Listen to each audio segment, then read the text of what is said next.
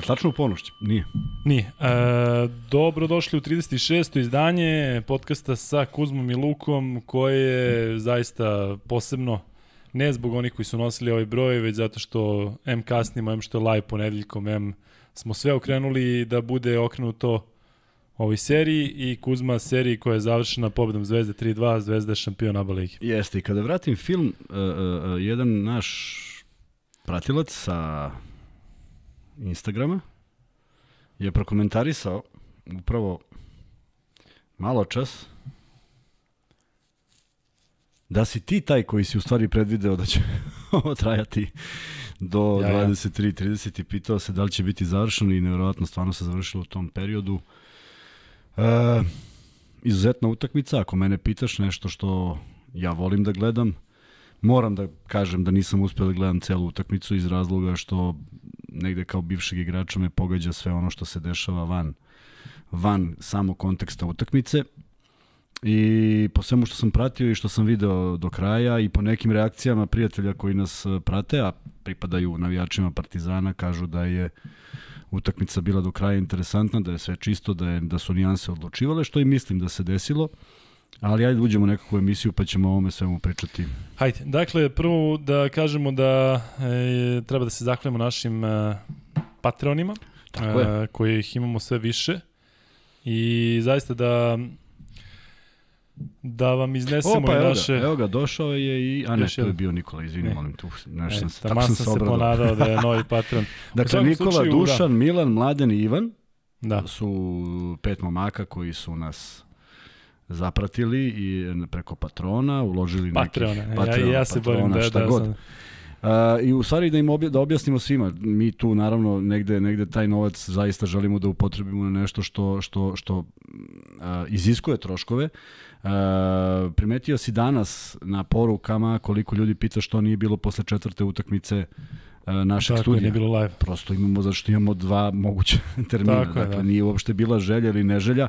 I ovo sada, evo ga Vanja tu sedi pored nas, Vanja koji je radio ceo dan i Vanja je tu zašto smo ga mi zamolili da bude, inače je da. trebalo da, da radimo u 12.15, pa smo razmišljali da nema nikakvog smisla da pričamo pred utakmicu koja će izaći u 6, a već će navijači i svi koji su zainteresovani u 7 pratiti sva dešavanja oko terena. Zato je večeras live i hvala u stvari pre svega Vanji što je tu.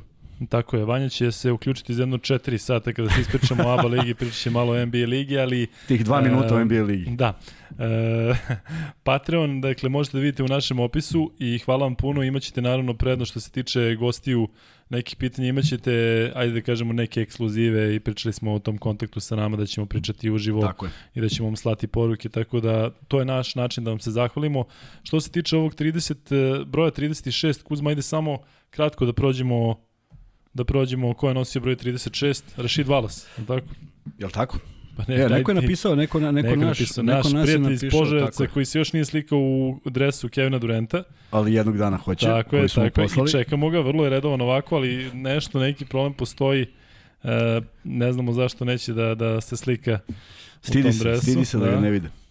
E, u svakom slučaju... E, e, samo ti kažem dobru stvar. Sale Rakić je dobio dres, kod mene je dres za njegovog sina. Sjajno. Ali, ovaj, Misliš još nije fizički dobio adres, treba da ga dobije? Nije fizički, tako. da, šaljem ga, dao mi adresu, tako da ga sutra šaljem. Možda ne sutra, imam mnogo obaveza, ali generalno poslao sam mu poruku, oduševio se, dres ispao identičan ovome koji, koji vidiš, tako da ovaj, drago mi je što ćemo ga uskoro poslati. Jeste malo potrajalo, ali znaš kako, tražimo od prijatelja koji radi jedan dres, a ima ima fabriku mašineriju da. koja radi to na nivou 300-500 hiljadu, tako da ovaj, hvala mu svakako rođa Maluro iz Kragujevca, da ga pozdravim jedan divan tip koji je napravio celokupnu garnituru za košarkaše u kolicima i Sjak. vrhunski imamo je dan danas tu opremu i mislim da uskoro poručujemo nešto od njega s obzirom da momci idu na evropsko prvenstvo. E, mnogo gotivimo, ajde da možemo da pričamo slobodno naša emisija, baš gotivimo sve vas koji ste tu uz nas, međutim E, ima onih koji su sa nama od tog prvog dana, Sale Rakić je jedan od njih i kažem Sale nekako ima posebno mesto u našim srcima, kao i svako od vas, samo ne znamo baš još uvijek e, Ne možemo imenom. baš da, da, treba, da, treba malo da prođe sve, vreme. Sve više, tako da, da to je super. Marko Smart nosi 36. E, Neko je napisao na Kočić, ko je napisao, da vidimo baš, pogledaj u komentarima, zato što ima, e, imamo komentar, pa da, da Aj, kažemo ga ti dok ja gledam ovo, samo da, iz, da izlistam Mark Price, opa, ne, Mike Price. Ne, ne može Mark, da. Ja. Mike Price, Mike Price, Shaquille O'Neal nosio u Boston Celticsima 36. Jeste, kažu 36, da. Kevon Looney nosi sada 36, ne, Kevon Looney je nosio u, u sezoni 2015-16, Omri Kaspi, koga se seća, uh, je nosio taj dres u Cleveland Cavaliersima, Paul Silas, i ajde, to je, Igor Kočić je nosio u Minnesota 2003. Tako kažu, da. Da, ne, ovo piše zvanično. E, šta? ne, ne tako kaže. Ma zbunio sam se, tako ne, ne, kaže. Kuzma misli da je to... Čekaj, da sad čekaj, sad nemoj da me... Šta mi radite? Već sam video ovde, ne znam šta, šta, šta ti nije jasno. Ma bre, nismo mi tražili... E, gasi to, ne može da se čuje. Ne može se čuje, pa naravno da ne može, nego ste me potpuno zbunili. Samo da im sekund, čekaj. Izgubit ćemo pola emisije, Kuzma, ljudi treba spavati, Neće niko rade, da spava, radni nema dan. niko da spava. To je napisao... Uh, što ne vidim ni... Evo ga. Nikola, pa da, Naš Nikola. Naš brat iz Požac. A što, da, ja sam... Ovo, bre, Parkinsone. Ovaj, Dario Šarić. Rekao? Parkinsončina. znači, um, Dario Šarić nosio u Minnesota. Dobro. Dobro. Sad prelazimo na ovaj deo. Šaljite nam pitanja. E, zaista ćemo gledati da odgovorimo na sve. Sigurno će biti puno. Znate, svi ste gledali sve što smo mi gledali. Ima zaista o čemu da se priča. Kuzma, ajde da krenemo, ajde da krenemo. od kraja. Ajde, ajde da krenemo od kraja, pa ćemo neke stvari Prvo mi samo reci, e, hoću da mi kažeš kada ste izbačeni tačno. Uh, treći, tri po 3 minuta i 13, 17 sekundi od, od početka, koliko se sećam. Jedna, jedan jedan početak uh, drugog polovremena 6-2 za Zvezdu i zaista se dešava tu svašta nešto. Ali ajmo da pričamo zaista od početka utakmice. Prvo, Hajde. ambijent očekivan. Uh, ono što sam smatrao tokom cele serije, a to je ponašanje igrača koje je za mene zaista fenomenalno. Ako izuzmemo onaj ispad koji, koji je zaista svima zasmetao, pa čak mislim da i Trifunović to nije uradio u nekoj zloj nameri. Prosto nešto je izletelo iz njega i mislim da je sasvim korektno da se to završi na neki način. Dakle, osim tog nekog incidenta nisam primetio ništa što bi moglo da priča o igračima u nekom bilo kakvom negativnom svetlu. Tako je bilo i ovo. Zašto mi je fantastično? Zato što naravno kad su igrači Partizana izašli na teren, ko da kontroliše da neće upasti i nešto. Upadalo je sve i svašta i šmekerski su ostali na terenu u smislu ok, deo folklora, preskakat ćemo to malo, počistit će se i nastavlja se. Sama utakmica. Uh, ja volim takve utakmice. Ja, ja nemam problem što je 39, 39 u 23. minutu. Prosto prštalo je na sve strane. Uh, osetna doza nervoze, osetna doza napetosti, one pozitivne, malo vezane ruke i gledamo jednu crvenu zvezdu koja igra sve segmente igre dobro, osim šuta za tri koji je kriminalan, zaista.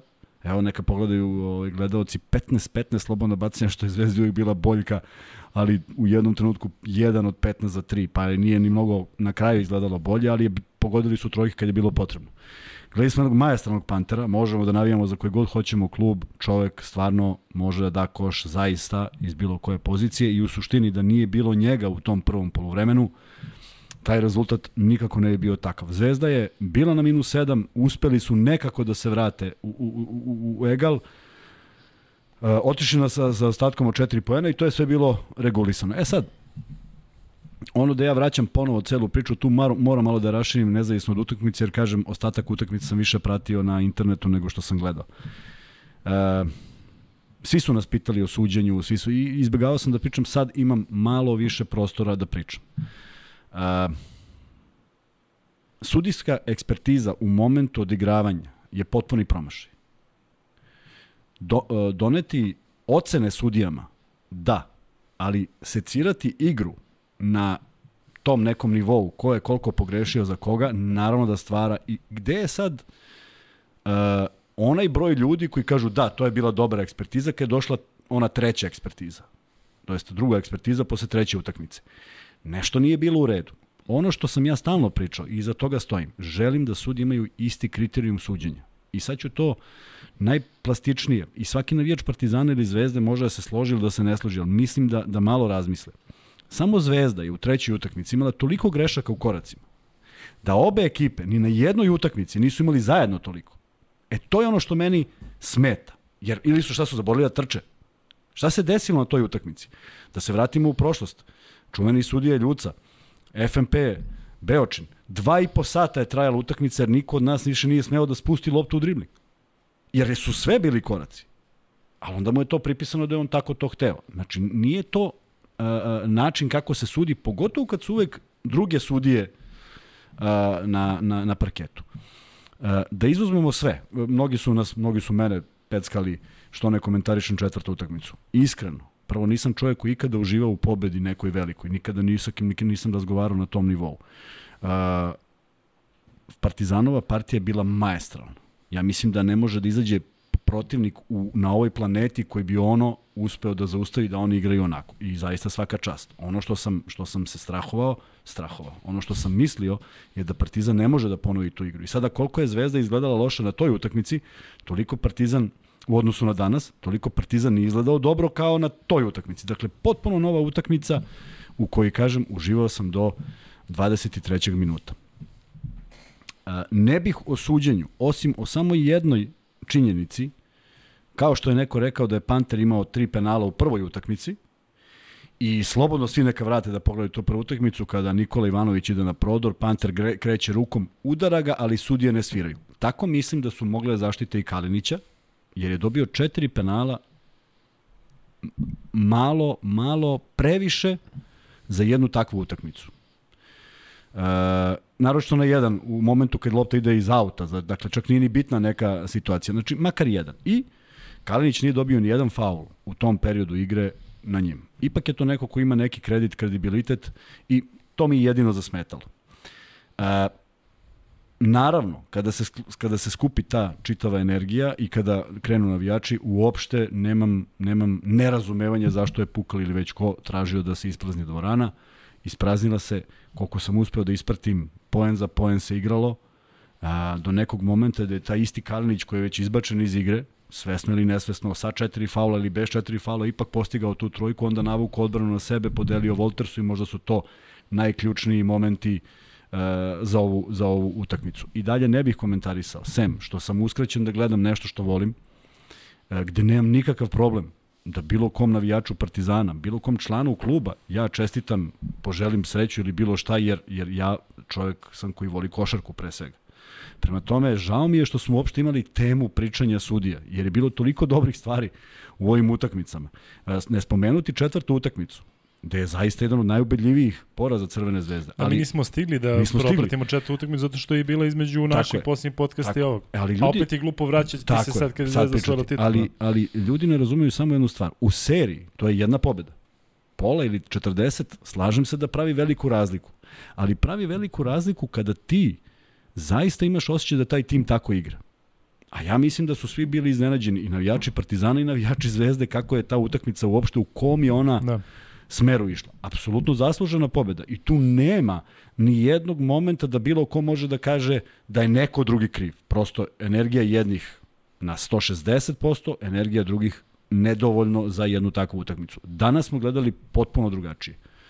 I zaista mislim da i jedan i drugi tim poseduju a, dovoljno veliki kvalitet da te utakmice zaista čine interesantnim, s tim što moraju svi da se slože, Zvezda igrala sa 10 pa i 11 igrača, dok je Partizan ipak morao, Željko Bradović je ipak morao da svede broj što je opteretilo i umorom i, i fokusom i bilo čime igrača, jer ih je bilo mnogo manje na raspolaganju. U startu se videlo, ja sam sedeo tu sa nekim prijateljima i kažem, deluje mi posle 10. minuta da Željko neće praviti mnogo rotacija i da nećemo vidjeti E, veliki broj igrača na parketu, osim onim momentima kada je to bilo nužno u završnici utakmice. U svakom slučaju, e, žao mi je što na ovakve susrete Senku baca, bacaju te, te, te propratne stvari, Nisu samo sudije, sudije su u ova, naravno, generalno naravno. govorimo o svim propratnim tako, stvarima. Tako je. Imali smo odmah pitanje, mogu da, da, da, da ti postavim zato što je u skladu sa ovim što priča mi. Luka Kuzma, da li mislite da ABA Liga postaje, postaje najneozbiljnija liga u Evropi?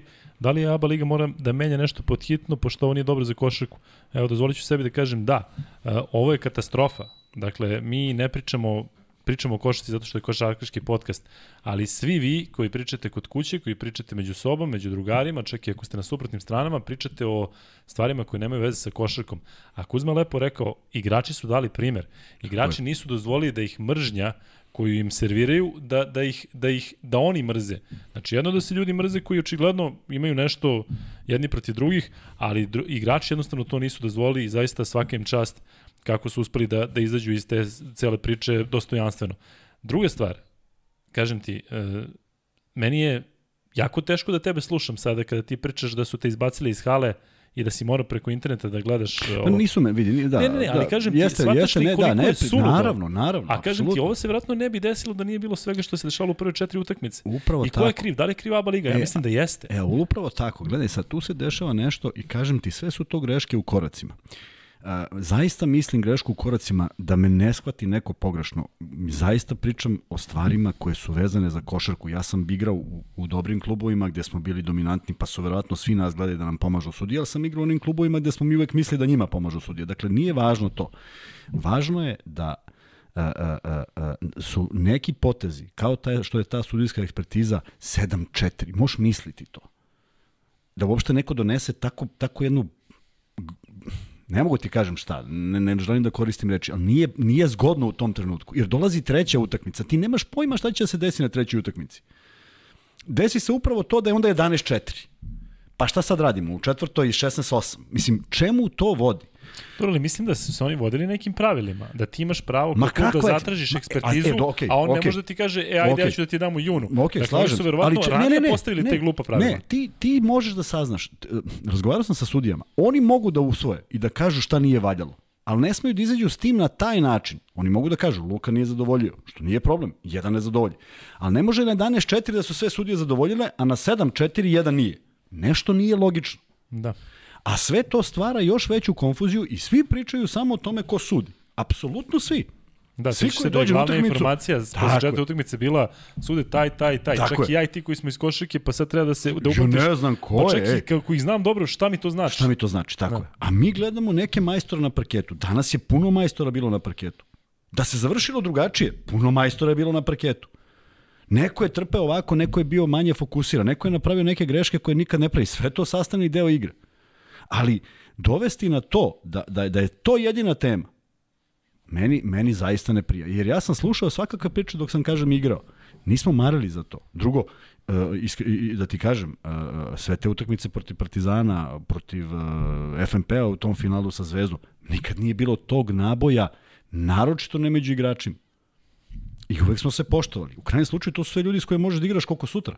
Tako je. Znaš, to su stvari koje su se dešavale, sad ređe, jer nema takvih kombinacija, ali tada je bilo 6-7 jakih klubova, Dobro, ali ne vidiš. Panter, Dangubić, e, Lesor, to su ljudi koji su igrali u Zvezdi. Dakle, Tako je, tako je, upravo to. I sad ti ne možeš praviš neku zlu krv sa ljudima do, s kojima si igrao do juče. Uh, ispratio sam kako je sve to izgledalo, kažem, po onome što što je pisalo, deluje mi da je Kalinić zaista tu preuzeo neku glavnu ulogu, vidim da je Davidovac odigrao odlično drugo poluvreme. Uh, ponavljam, uh, van serijski šuter, van čovjek koji apsolutno može da izmisli koš i gde su svi ljudi koji su bili oko mene, a to sad nisu obični navijači, nego su poznavaoci košarke, su aplaudirali. U smislu, ne možemo Nemaš ništa. šta drugo da Nema šta da. drugo. Dakle, ima dva čoveka na sebi, obojica su tu, on se digne. Tako da, uh, kamo sreće da je to tema. Kamo sreće da je to tema u jednoj ili u drugoj ekipi. Kamo sreće da, je- da, da, da kad pričamo o Davidovcu, da pričamo o jednom, za mene, jednom majstoru košarke. Koliko god on imao nekih falinki koje ga negde u ovo vreme svrstavaju kao nije dovoljno sporma, nije dovoljno brz i tako dalje. Pusti to. Tako da, uh, uh, uh, drago mi je, ja želim da verujem, nisam mogu da gledam snimak, ali želim da verujem da je to bio jedan prijateljski pozdrav, da su se na kraju završili, da je tu uz neke nijanse pobedila Zvezda i naravno da postoji taj ta težina poraza koju će negde igrači Zvezde pamtiti samo kao kao događaj za koji će želiti da se revanširaju taj taj veliki poraz. Njih treba zanima što je 3-2 u seriji. Ali ovaj poraz negde ostane, pa onda kad nekad se desi prilika, možda se revanširaju. Mi sad imamo još uvek Mi sad imamo novi pik u sezoni, pošto će se igrati KLS, tu će opet biti susret, a opet će to biti na nekom takvom nivou, da se ne lažemo, ali bi zaista voleo da ne pričamo o tome, nego da pričamo o momcima koji proizvode i uživali smo u lepim potezima i nismo videli ni jedan incident na utakmici. Evo sada pišu ovde nešto što ja i ti možda nismo videli da je Kalinić postupio posle meča tako da se isplazio prema Ne, ne mogu, zaista ne mogu ne da neću, da. i da se Radonjić izvinio zbog toga posle. Vrlo moguće, ali ja evo ako ne je možemo, tako, ne možemo, da, ne, ne, ne možemo o tome da pričamo zašto da. nismo videli. Ne zato što suštini, ajde, nećemo, pišite da. nam ovde ako zaista ste videli neki snimak ili ne da ne nagađamo zato što mi to nismo videli. E, evo, ali kažem ti ljudi baš konkretno Moguće, pišu, vrlo moguće, nije pa neko ne to ubacio uh, kao kosku, kao neka vrsta osvete za ono što je uradio A, mi, Trifunović. imamo, mi ćemo imati podcast ponovo u četvrtak. Dakle, je. ako slučajno postoji takva informacija, mi ćemo je preneti Ne, bez naravno, ikakvog pričat problema. ćemo. E, sada, Kuzma, ajde da se vratimo samo na ABA ligu. Ajde. E, ja sam ubeđen, ti znaš moju želju da, i nadam se da je to i dalje ostvarivo, e, da Partizan i Zvezda igraju u Euroligi sledeće godine. da. Ja bih volao da dođe do toga da Partizan i Zvezda igraju u play-offu Euroligi jedni protiv drugih. Da li bi 5% ovakvih stvari bilo moguće da je pod, pokroviteljstvom takve jedne? Naravno da ne, naravno da ne. Pa, Znači, tu- sva ta je, mržnja, sav taj bes je moguć samo ako ti neko to dozvoli. Ali vidi, mnogo falinki postoji u Jadranskoj ligi. Ne od juče. Ne, nisu ga stvorili samo Zvezda i Partizan. Mnogo tih problema postoji. Nekako se guraju po tepih iz sezone u sezonu, ali neke stvari nisu, nisu dorečene. I ja mislim da taj ovaj region zaslužuje apsolutno da ima jednu takvu ligu koja se koja se uh, vodi onom ligom Jugoslo, jugoslovenskom koja je bila jedna od najjačih u Evropi. Ali mora se uradi na drugi način. Mora da postoji neko telo, mora da postoji nešto što što može da koordiniše tim sistemom, a ne na, na poziv ili ko je ko, ko je gde. E, nije to lako. Nije to lako jer mi znamo kako mi, mi, mi kako mi doživljamo kako stvari treba da funkcionišu. E, nije dobro jer ta liga e, se ne postavlja kao partner Euroligi. Sve ove slike koje oni dobiju. Zamisli Euroliga hoće da bude neka ekipa koja je stalno prazne hale. I jednima i drugima. Nema veze u kom momentu, 30 sekundi, 50 sekundi, potpuno nevažno. Oni ne žele takve ekipe. Ali oni imaju pravila, gde ti kad ubaciš upravljač, toliko je to Ej, para. znaš kolika su pravila? Znaš, toliko a- su besmislena. Toli... Ne smeš, ne, ima jedno od pravila da ne smeš da dođeš neokupan. Ne možeš, kažeš, da, da smrdiš pored... Ozbiljno, ne znam se, u tim bajlosima. Zvuči glupo, ali prosto ne možeš. E sad, mi ili prihvatamo pravila ili ih ne prihvatamo. Ja, se, ja sam se zezao godinama i čak zvezdini navijači su me posle i prozivali. Imali smo, bilo na televiziji čovjek zapalio. Ja kažem, evo ga, gospodin, i dođe i po, upoznamo se. I kaže, ja sam taj, smešno, ali zapalio je u hali. I ja sam se zezao da onaj zabranjeno pušenje znak što je stajao 20 godina, ali misli da gostuje ovaj bend, da će biti koncert. Neverovatno. To je nezamislivo u pojedinim dvoranama. Teško mi te navike menjamo, ali mora da postoji mehanizam. A ne da bude ovaj. U jednom momentu zaista kad sam video sve one ljudi koji su se pomerili pet redova iznad, isti broj ljudi, samo pet redova iznad. I gledam ljude koji stoje, samo čekaš da ih neko gurne. Ja- Bolje je što se ispraznilo sve nego da je neko stradao. Da. E, ajde sada da samo prokomentarišemo još nešto pre nego što se vratimo na samu utakmicu. E, da li ovo znači da će Zvezda igrati Euroligu? A Pošto svuda piše Zvezda obezbedila... to što ove- piše, to što piše, to nema neke naročite veze. Čekaj, ali ajde, evo ti možda mene isprati, pričamo sad ovako. Mi Jel, jel pričamo- to zato što je čovek koji je dobio pre 5 dana otkaz na Da, toj poziciji da. rekao da će i Zabe Tako biti je. tako? Mi verujemo. Mi verujemo da je ovo mesto gde ima jedan Mi verujemo u horoskop. Tako je, mi verujemo da ima mesto. Dobro. Mi znamo da ne znaju šta će sa ruskim ekipama, da se upražnjavaju mesta, faktički. Mi znamo da nema tri zainteresovana španca ili četiri italijana, prosto nema ih. I tu mi negde pravimo celu tu kalkulaciju. Ja ne sumnjam da je Bartomeu došao i rekao da, mi želimo da i ove godine bude uh, neko iz Jadranske lige. Daj Bože, dva kluba. Ali, on je to rekao sa odlazećeg mesta. Tako da ne znam koliku težinu ima. Iako ja mislim da da li on rekao ili neki novi ili bilo ko, da ovo ovaj region apsolutno to zaslužuje. Pa čak kad poredim sa nekim rezultatima pojedinih klubova, kao što je Žalgiris, koji mi se od jedne simpatije koju sam imao po svih ovih stvari sa Rusima i ona utakmica protiv Zvezde i ono da li imaju transparent, da li nemaju i sve to, malo su mi se, znaš, uh, nemam više isti, isti osjećaj, ajde budemo da tako kažem. Uh, Partizan ili Zvezda ne mogu da donesu to, mogu da donesu duplo više. U svakom smislu. I jedni i drugi. Košarkaški. U čemu su košarkaški? Ne u mnogo tome, sem što je to jedini sport, jedina zemlja u Evropi koja, je- koja je sport košarka broj 1. To je stice okolnosti što nemaju futbol. Ali hoću da kažem da, da mislim da, da ako se desi, a voleo bih da se desi, da, da, da dva tima iz ovog regiona dođu, e onda da se ne prave greške u koracima. A nekako sam sklon da verujem da mi uvek pravimo greške u koracima. Jer onda možeš da postaviš još jedno pitanje. Ok, ušli su Zvezda i Partizan. Šta ih drži u toj ligi? Top 8? Ili ponovno, ponovno prvak? I da li će oni da se pokažu kao dovoljno kvalitetni, ali da li dolaze sad i budućnosti CDVita ili su ovi samo, e, da li mogu da se menjaju? Da li će se menjati ako bude i među osam? Još nemamo nikakvu e, definiciju toga, šta to znači. Prema tome, ajde da vidimo kako će stvari da se odvijaju. Želja svih nas. Znam da misliš ti, negde sam ja pomislio kako bi se smirile strasti kada bi oba kluba bila. Ali vidi, onda dolaze evroligaške utakmice. Tek postaje neki rivalitet eventualni koji bi isto iznedrio sve ovo slično, samo što bi bilo sankcionisano drastično i prosto ne bi moglo da se desi. Naj, da me ne shvati bilo ko pogrešno, najgora stvar koja se desila u svim ovim utakmicama je, nažalost, i ne mislim da je namerno i ne mislim da je zlo namerno, je broj ljudi na broj, utakmici broj 3. Taj broj ljudi je proizveo ono klizanje. Sve ostalo je, je nevažno, samo to nisu bili regularni uslovi za košarku. Znam želju, znam da Partizan može da napuni arenu bez problema i možda je bolje da su čak igrali tamo, možda bi je stvarno i napunili, ali taj broj ljudi je proizveo da smo gledali jednu najlošiju utakmicu u ovom serijalu. Košarkaški.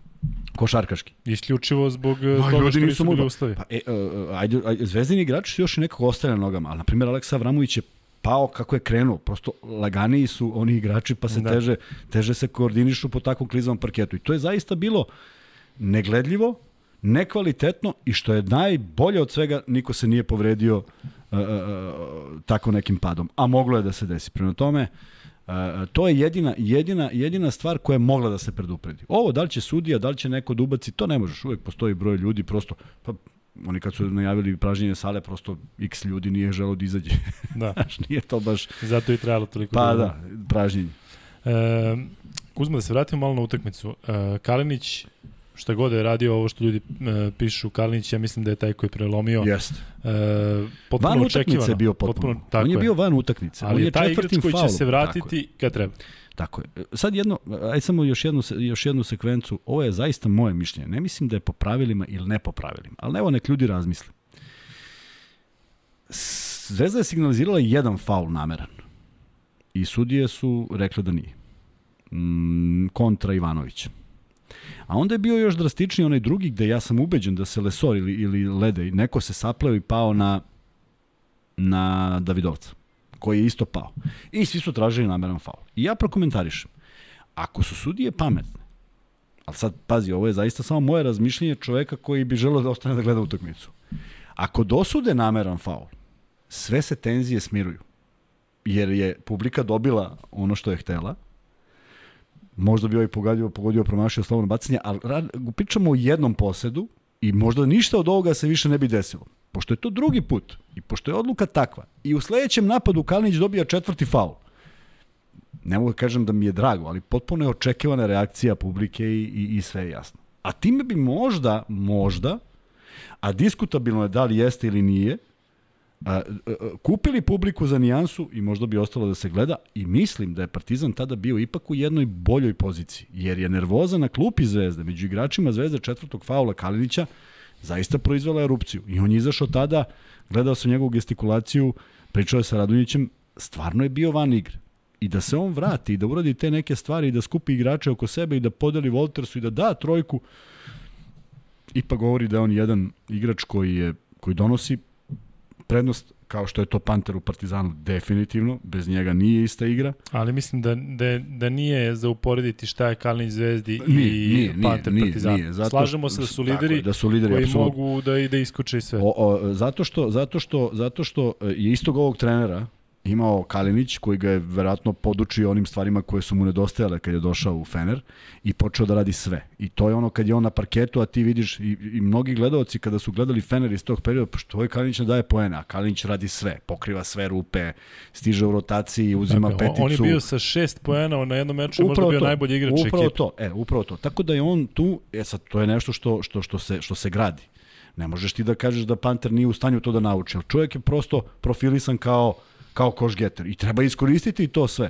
A, međutim, drugi igrači nisu bili u tom elementu i bile su pakleno jake odbrane.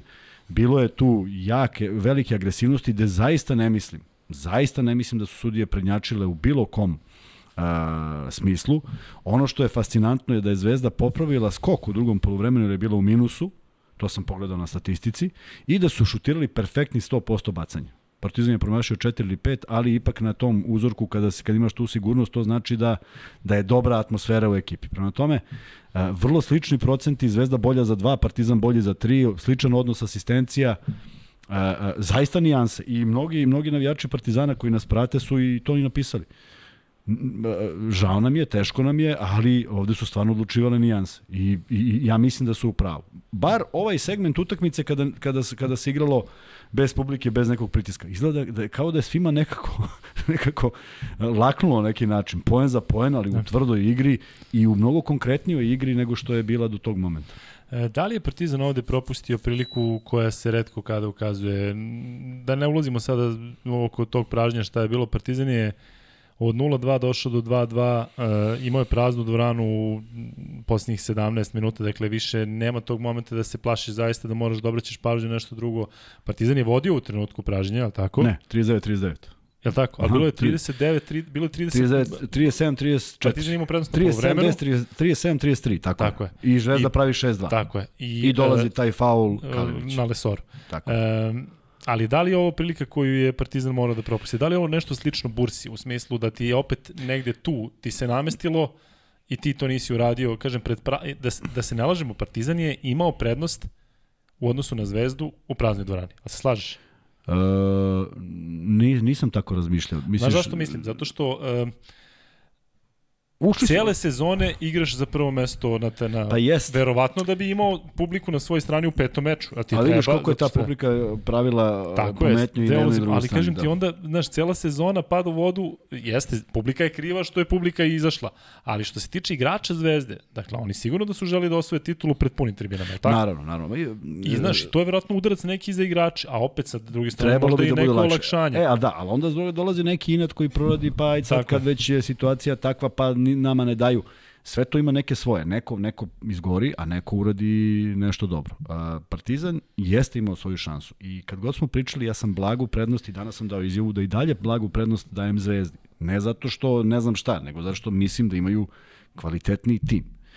Kad kažem kvalitetniji tim, broj igrača koji može da igra. Evo ga, Stefan Marković mislim da je postigao neku trojku. Da, je trojku, da. I onda, i onda je nevjerovatno šutno je drugu, odmah sledeći napad, što nije u njemu. Ne, u njegovom maniru, znaš, baš da. od njega čekaš, dao je trojku, da. u trećoj sekundi napada. Smiri, da. da, on je šutno i onda airball, što, znaš, nije ajde da me neste neko pogrešno, ali nije čudno za Stefana Markovića da baci lošu trojku. Tako je, ali, ali je čudno da šutne dve za redom je, u bilo kom je, raspoloženju. Tako tako. Ali vidiš, i on je pogodio tu i povuklo ga je nešto. Dakle, e, mnogo emocija ima kod mnogo, kod, i neki, neki uspevaju da ih zadrže, neki ne. Međutim, e, ako pričamo o šansama Partizana, osim što su bile 2-2, e, mislim da je taj poraz protiv Burse, jer se od tog momenta stalno pričalo kako je to sada poremećena sezona.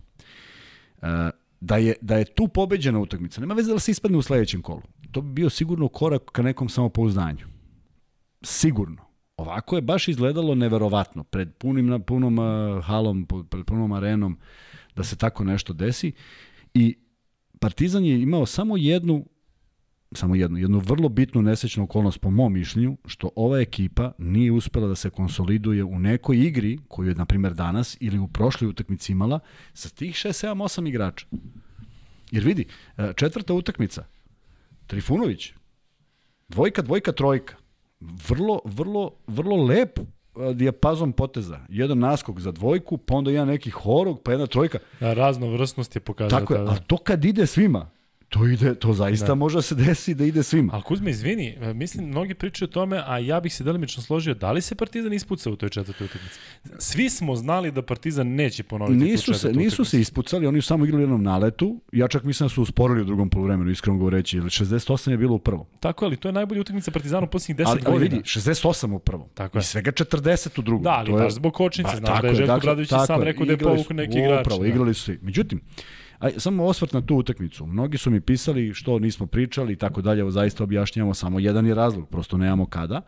Ali je neko potencirao odnos penala na toj utakmici. I ja mislim da je 41-15 ili 42-15 u kori zvezde. Ne može da bude merodavno. Dajte mi penale u prvom polovremenu koji su prilično izjednačeni, jer onda je drugo polovreme bilo manje raspoloženih igrača u Partizanu, došli su momci iz klupe, naravno da su sekli neke moguće akcije zvezde, što, što da im dozvole da daju tri kad mogu da ih pošli na slobodna bacanja, tako da nije to merilo da bi mi neko dokazao kako je sudijski kriterijum bio. To rade, ali kompenzuju na taj način neke svoje stvari? Sudije uvek moraju da kompenzuju. Vidi, e, neretko se dešava da radimo prenose uživo i vidimo neki potpuno kretenski faul u napadu i pogledamo se da li Darko ili Ilija i konstantno namignemo jedan drugom i znamo da u sledećem napadu se dešava nešto slično. Tako da, na, na taj način oni pokuša, pokušavaju se izvuku. Problem je samo kad preteraju i onda krenu da se izlače iz, iz različitih situacija. Dešava se. Dešava se nekad svirneš. Dešava se nekad da si dunuo nešto što nije.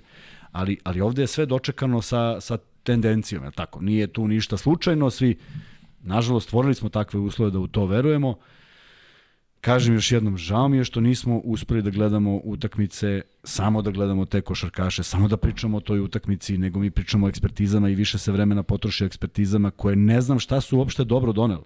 Evo, sada se završila peta utakmica. Dajte sve ekspertize sveta. Ali ajde da damo i nekim sudijama tamo iz Evrolige, da ih malo zaposlimo, da nam daju i oni, da čujemo šta oni misle. Jer ko su autoriteti? Ja nisam čuo da postoji do sada. Verujem da postoji komisija, ali nikad nije tražena ta sudija. To su sudije koje sviraju Euroligu. Upravo, koje su u Euroligu. Ja se slažem. Znaš, glupo je da zoveš ono koje je možda znači, ispod tebe. Ti znaš, znači ti znaš ko je u komisiji. Ja ne znam. Znači ti znaš ko je u komisiji? Govoriš za Ligu? Da. Ne znam. Pa ne znam ni ja.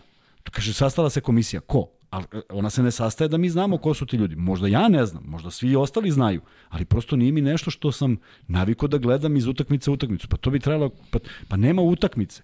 Sedeo sam, pozvao sam sudiju kojem verujem, čovjek kojeg znam x godina, kad je on bio mlad počeo i tako smo negde u paralelno i počeli. I nazvao sam ga.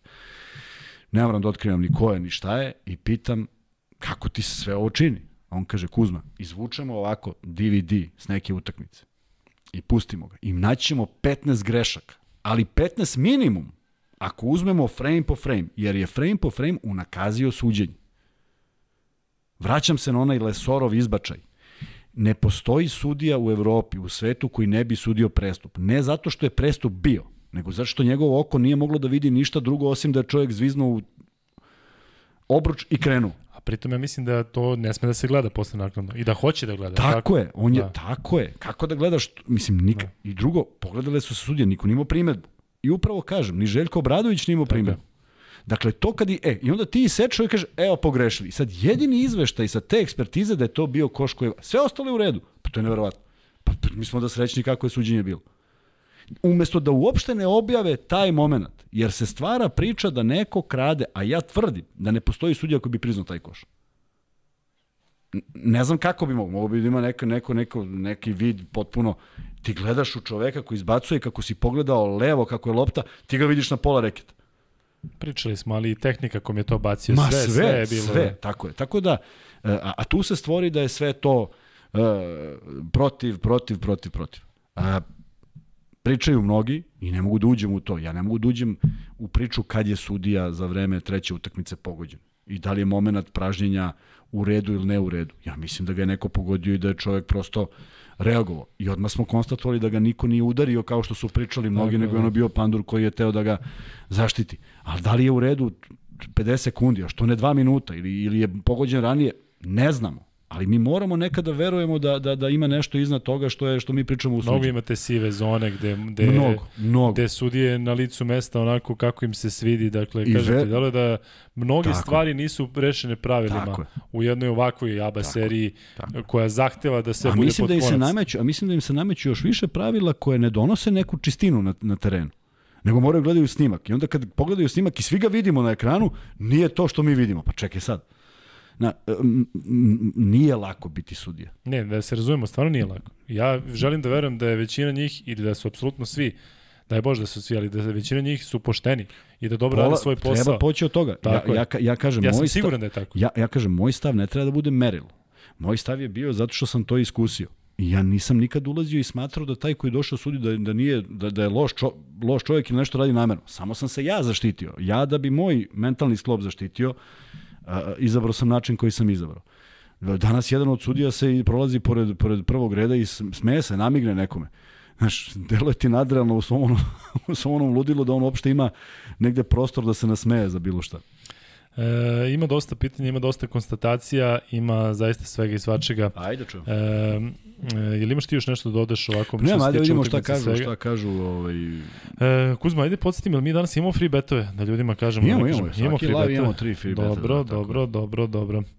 E, Leksa kaže, Leksa koji ima uvek dobre komentari, jedan od onih Ognjena Divojević, imao dosta koji zaista lepo komentarišete, uvek lepo pitate. Luka Mitrović definicije ljudine, a tek posle, tako, tek posle toga veliki sportista. Ne znam da li ste nešto videli što mi nismo videli, ali ovaj, Luka Mitrović je stvarno fantastičan momak, bio ovde kod nas, Um, A nima neka primetba na njega ili? Ne, ne, ne, ne, nego se konstatuje izgleda je nešto uradio posle i dokazao da je ljudina.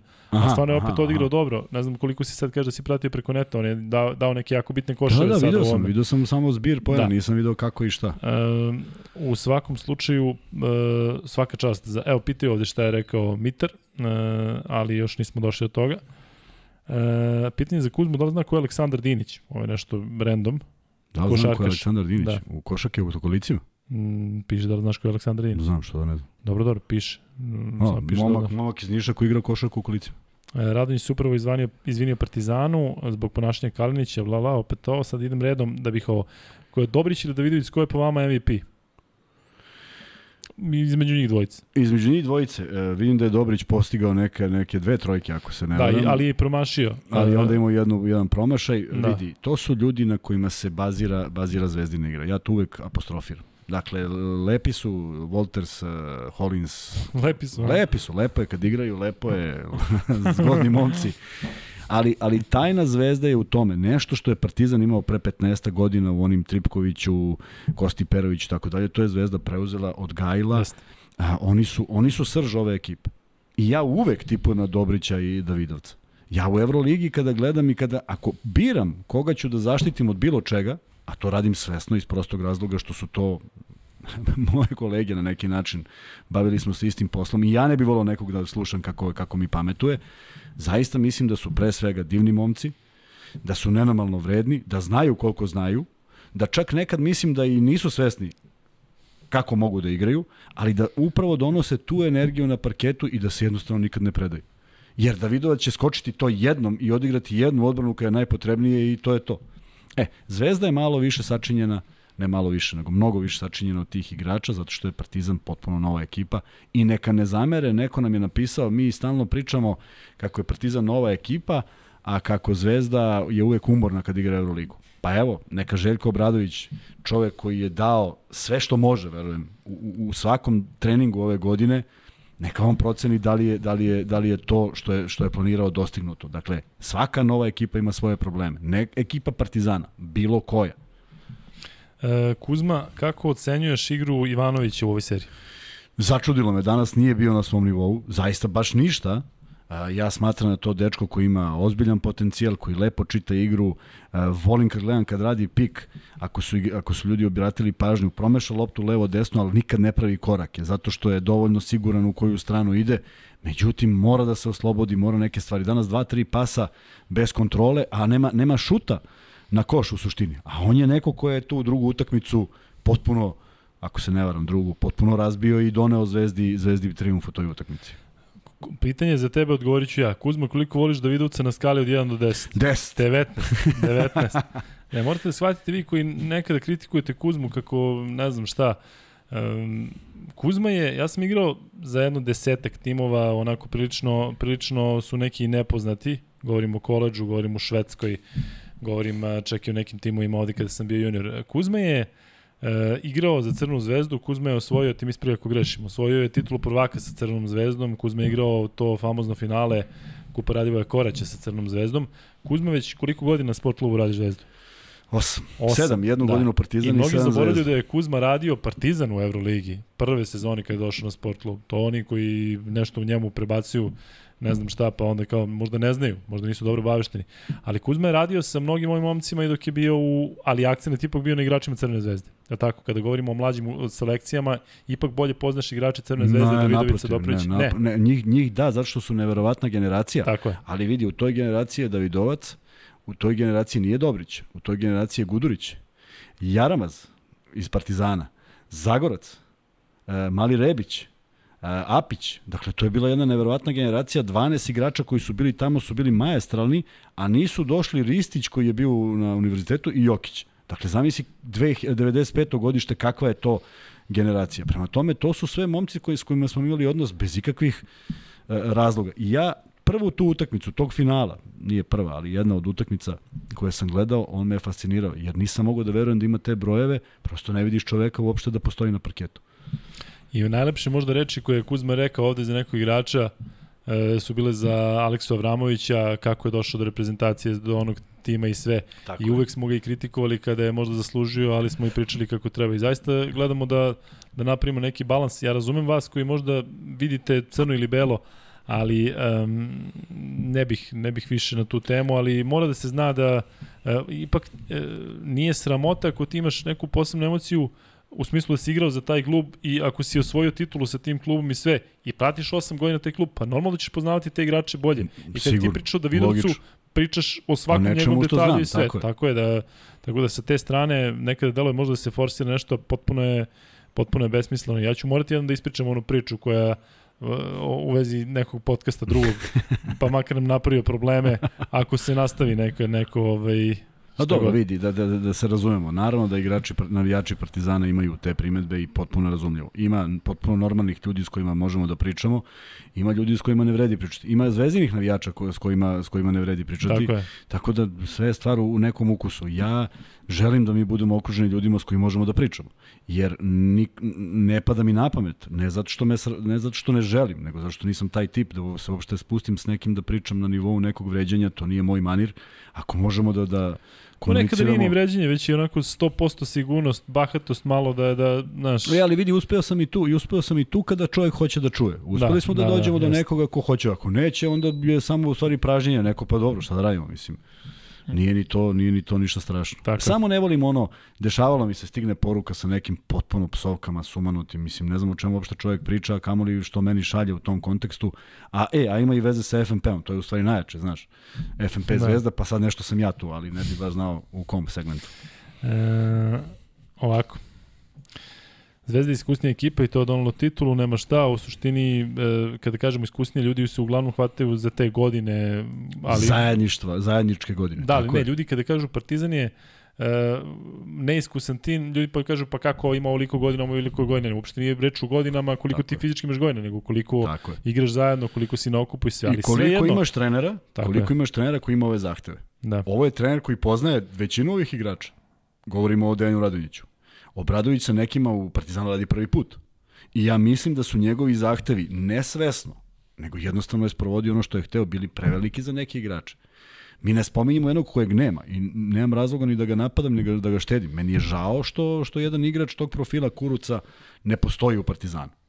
Ali nešto očigledno nije funkcionisalo nešto što on nije mogao da sprovede, mi deluje više verovatno nego da je Željko, ne znam, da, da smislio da neki pakleni plan da ga, da, da, da. Tako da, um, i koliko bi on nedostajao i koliko je možda i računato na to da bude završnica lige sa 10-12 raspoloživih igrača. Znaš, mi kad smo pričali, sećaš kad smo pričali pa smo spomenuli Tristana Vukčevića, a neko napisao pa evo već igrao. Pa ne mislimo bukvalno da li igrao dva dakle, minuta, da. nego da, da to mora, tamo i nešto. To mora čovjek da zasluži sa hiljadu treninga da bi on ušao tih šest minuta na parket. A ne zato što je lepo izgleda ili je budućnost. Budućnost je za budućnost, ali ovde su neki rezultati koje se traže. Da nije bilo Bradović Željka, bilo bi 3-0 za Zvezdu. Ja, da nije Obradović Željka sa ovakvim timom, znajući šta je Partizan prošao poslednjih 10 godina, ne bih e, bio siguran da bi Partizan uopšte došao u priliku da igra sa Zvezdom u finalu. Da, ipak daj da ne zaboravimo ono, ono, ono, ono što smo morali da pogledamo na, na internetu za devet sušnih sezona, tako da tako je. a, jedini poraz koji je ovde bio neplaniran u ovoj sezoni, ako postoji tako nešto, je ta bursa. Samo zato što je odnos snaga u tom trenutku Partizan drugi, Bursa sedma, 20.000 ljudi i tako dalje jeste to poremetilo ekipu. Ne može da ne ostavi traga. Ne može, prosto ne može. Ne može, igrali smo taj kup koraća i pobedili smo Šole 34 razlike. Ja ne znam da su oni uspeli da pobede. Mi smo izgubili 29 ili 30, imali su šut za 35. Ja, ja ne znam da li se ikad oporavio od toga. Zamisli pobediš 34 razlike i izgubiš 35. To je, to je potpuno... A zaslužili smo da izgubimo, što je najsmešnije. Igrali smo kao idiotik. Sve što su oni tražili da mi igramo, mi smo igrali. I ostavlja nas sami, mi još pogodimo koš i šutiramo do besvesti. Da li Partizan izgleda bolje kada ne preuzima u odbrani protiv Zvezde? A, i, vidi, jako teško mi je o tome da pričam. Sad ćete reći iz kog razloga. Zato što mi se nekad čini da su preuzimanja nekada, e, čak nisu ni iznuđena, nego se neko samo odjednom, ajde da preuzmemo, da nema nekog, nekog razloga. Onog momenta kada je Zvezda uspevala da nađe uh, rešenje za preuzimanje, tu onda sve pada u vodu. Međutim, Obradović je pokušao da igra zaista sa gabaritnim igračima koji mogu da je pokriju nekoliko pozicija i svesno, ako se ovo s ovim slažu igrači Partizana, svesno promenio taktiku u ove posljednje dve utakmice kada je lopta išla na Lesora mnogo češće ispod koša. Dakle, četvrta utakmica Zvezda je razbijena onog momenta posle 24-16 ili 24-18 momentum kada se čeka strpljivo menjaju uloge. Partizan počinje da igra pozicijono sa spuštanjem lopte Lesoru koji to jako dobro koristi, tako da kada je visoka petorka, mnogo jednostavnije. Ali videli smo Madara koji u jednom momentu preuzeo, pa ostao sa Mitrovićem, pa je Mitrović zakucu i opet se Zvezda vratila u život u tom nekom periodu. Tako da, nezahvalno je preuzimati. Nisam pristalica da baš svako mora sa svakim da preuzme. Videli smo minijature i Zvezda i Partizana, naročito Partizana. Imaju onaj moment kada dođe do dvostrukog preuzimanja, kada igrač sa strane koji je visok po, pomogne u reketu pa se zamene, što je fantastično brzo uraditi, ovaj, vrlo bitno da bi, da bi, da bi pokrio reket ali ej, ne ulazim uopšte u te neke taktičke zamisli, ja prosto znam da, da, da se ti treneri dovoljno dobro poznaju, uh, da, da je teško nečim iznenaditi, ali mislim da je Partizan u prvoj utakmici i naročito u četvrtoj imao te neke akcije kojima je razbio zvezdu gde su igrači ostajali sami na šutu. U prvoj utakmici su promašili tri šuta u prvoj četvrtini, da bi u četvrtoj apsolutno i svih tih akcija sve dali. Ali mislim da četvrta utakmica nije merodavna, ne, ne zašto sad ja, zašto je meni, ne znam iz kog razloga i meni moglo bude teško što je e, Partizan pobedio 30 i nešto razlike, prosto dešava se, ali mi je, ali mi je ovaj, a, cela ta utakmica, evo, postavljam ovako, zaista jedno pitanje. Zvezda nije bila što je bila u toj utakmici večeras, a nije ni Partizan. Pa ko je dobio više tu? Partizan je zaista od jednog fantastičnog došao na jedan nivo koji nije bio ni približno fantastičan, a Zvezda je ni iz čega došla do jednog ozbiljno tvrdog nivoa. Prema tome, oscilacije su sastavni deo igre, naročito u jednoj ekipi, ponavljam, prema kojoj imam svakakav respekt, prema treneru, prema kojoj imam veliki respekt, koji poznajem lično, nedostatak tog uigravanja i, i vremena koje, koje mora da prođe da bi se igrači uigrali. Kad si kod te utakmice, razlog 41-15 penala je Željkova taktika da seče igru i ritam protivnika da se ne bi vratili u meč. Tako je, pa potpuno logično. Pa zato, zato kažem, nije merodavno, nisu tu sudije sada poklonile je, zvezdi neke, ja. neke, neke faulove. Se slažem, da. I piše mi danas jedan momak, da li je Sale, i Sale je napisao odnos, ja kažem Sale, samo izbaci koliko je bilo na, na polovremenu. Ne znam da li izbacio, stvarno se ne sjećam, jedna fina komunikacija, ali hoću da kažem, to je merodavno šta je bilo. Ako je to uopšte merodavno u toj utakmici jer je Zvezda primila 68 poena, dakle potpuno je sve jedno koji je odnos penala. Ali ne može da neko pomisli da je tu sudija navijao za Zvezdu pa je poklonio više penala. Kada je Zvezda to uh, reklamirala u utakmici protiv CDVite, tu je bio egal rezultat sa 42-15. E to je problem. Kada je nerešeno ili pola koša, a 42-15, onda znači da je stvorilo neku razliku. Inače ovo na XY poena razlike, da, da to utiče ili bilo koji segment sudijski da utiče, apsolutno ne. E, Grobari, mi smo svoje šanse propustili čestitke zvezde na tituli, ali ne možemo da kukamo, mora da se ohladi glava i da se priprema za FNP u četvrtak ili petak. Ognjena Divojević je mnogo veliki šmeker, pošto čitamo ovde često njegove, njegove stvari i e, slažem se da je Partizan propustio svoje šanse. E, ljudi su sad uhvatili za ovo što sam rekao, naravno. da se ispraznila dvorana i da je to više odgovaralo Zvezdi. Očigledno po igri jeste, zato što je Zvezda napravila najveću seriju kada se ispraznila dvorana kada su se vratili. Sad ljudi ovde pričaju kako je to u stvari bilo možda hlađenje ekipe koja u tom trenutku vodi, a onda smo konstatovali da Partizan u tom trenutku nije vodio. Ali generalno, zaista je delovalo da, da je Zvezda lakše igrala pred praznom halom. Ali ja kada sam rekao da je Partizanu da si, da si pitao parti, igrače Partizana pred početak utakmice da li bi trebalo da, da igraju u hali puno zvezdaša ili pred da, praznim da, tribinama, da. znaš, govorim sa te naravno, strane logički, naravno. ajde da završimo sezonu, da ne možeš da se bojiš ako ćeš, znaš šta se pisalo, pred, ako ćeš da pobediš i daš koš da ne daj Bože ćeš nešto se desi. Sa te strane bi trebalo da je Partizanu bilo lakše, ali u praksi se pokazalo na ovoj utakmici da je Zvezdi bilo u praksi se da je, pokazalo, da je odgovaralo. U praksi se pokazalo da je pauza učinila svoje, na nekoga utiče ovako, nekoga onako. Neko ima svoj ritam, neko se ohladi, neko se svašta nešto. E, I jedni i drugi su imali želju da pobede, način na koji je Zvezda igrala i dolazila do poena je bio nekako kontrolisan u smislu navikli su na takvu igru i u jednom momentu kad sam pratio rezultat koji se stalno klackao, samo sam pomislio ko će imati više više fokusa da, da odradi onaj deo koji, koji treba da odradi. Kad je Zvezdu krenuo šut, koji je bio kriminalan tokom cele utakmice, nekako je delovalo da je Zvezda ušla opet u ritam. Vrlo brzo se Partizan vratio i opet je bio egal do one trojke koju postiže Volters, koja je u stvari možda i ključna, ključna trojka na utakmici. Imamo jedan drugi komentar. E, iskreno, ja se nećem da sam ikada gledao bolje suđenje u finalnoj seriji između Partizana i Zvezde od ovog i u Zagreb piše nesarkastično. Nije sarkastično. Peta utakmica ili generalno? Mislim da, da, da mislim možda čak i na celu, se, celu seriju, možda na petu utakmicu, ne znam, ne piše e. ni konkretno. A ispod odmah komentar, kriterijumi suđenja su bili katastrofalni u trećoj utakmici, je sviran ogroman broj koraka, a onda se dogodi da se na drugoj strani toleriše u još gore stvari. U, upravo to. Ali kažem ti viš kako, ovo mi je samo primer kako ljudi imaju potpuno različite yes, mišljenja i neko yes. sigurno veruje da je suđenje bilo dobro. Tako je. I, e, znaš, možda stvarno nije navijački, zna, naš... Možda, možda, ali da. zamisli samo da ti sad, ja, nas, nas dvojica uzmemo analizu suđenja i kažemo, dosuđeno toliko faulova u jednoj i u drugoj utakmici i vratiš film i shvatiš, ali prosto broj grešaka ne može da bude na jednoj utakmici 6-0. Ne može, ne može da se desi, statistički ne može da se desi. Na sve to, što je meni jako žao, mislim da se zbog sve većeg priliva, priliva američkih igrača tolerišu taj, taj neki prvi korak, koji je uvek bio i upada u oči našim navijačima. Da li su olabavili to, olabavili. znaš sam, da su već pa, znam da jesu, malo ali da... to našim navijačima, kad kažem našim navijačima, znam, kad govorimo o svim navijačima koji prate već decenijama, To su za nas koraci, jer smo bili u takvim pravilima, tako? I sad to se toleriše, a onda, evo danas, danas potvrđujem da je, da je sigurno u svom prvom kontaktu Luka, Luka Mitrović ispod koša uradio isti onaj pokret kad je primio loptu, cupno je i spustio loptu, to su bili koraci na, na utakmici broj 3, a nisu na utakmici broj 5. Do, o tome sudije moraju da vode računa. A ne da li su dunuli faul, per ili žiki, nego o tome da bude ujednačen kriterij. Uh, Wolfing 17, slažem se sa tom, samo ne mogu ovo da pročitam, pročitat ću te i posle. uh, uh, ima očigledno izjava Mitrovića koji on onako prebacio, uprostio je. Uh, samo nismo čuli izjavu, pa ne možemo da komentarišemo zbog toga. Nemam problem da pročitam ovo što si, što si napisao. Uh, Kalinić se odmah posle meča izvinio, rekao je da je samo vratio Trifunović i da je svestan da je napravio nesportski potez. Pritom nam je neko od naših, da, Crni Grobar koji je redovan i koji stvarno ima e, dobre komentari, dobro pitanje, e, rekao da je postoji taj snimak na YouTube kanalu Buta Sport. Pogledat ćemo samo da ne gledamo sad u sred emisije. E, kog igrača bi Kuzma volao da vidi u Zvezdi sledeće godine? Od drugih igrača? Da, ne, nisam razmišljao, pazi.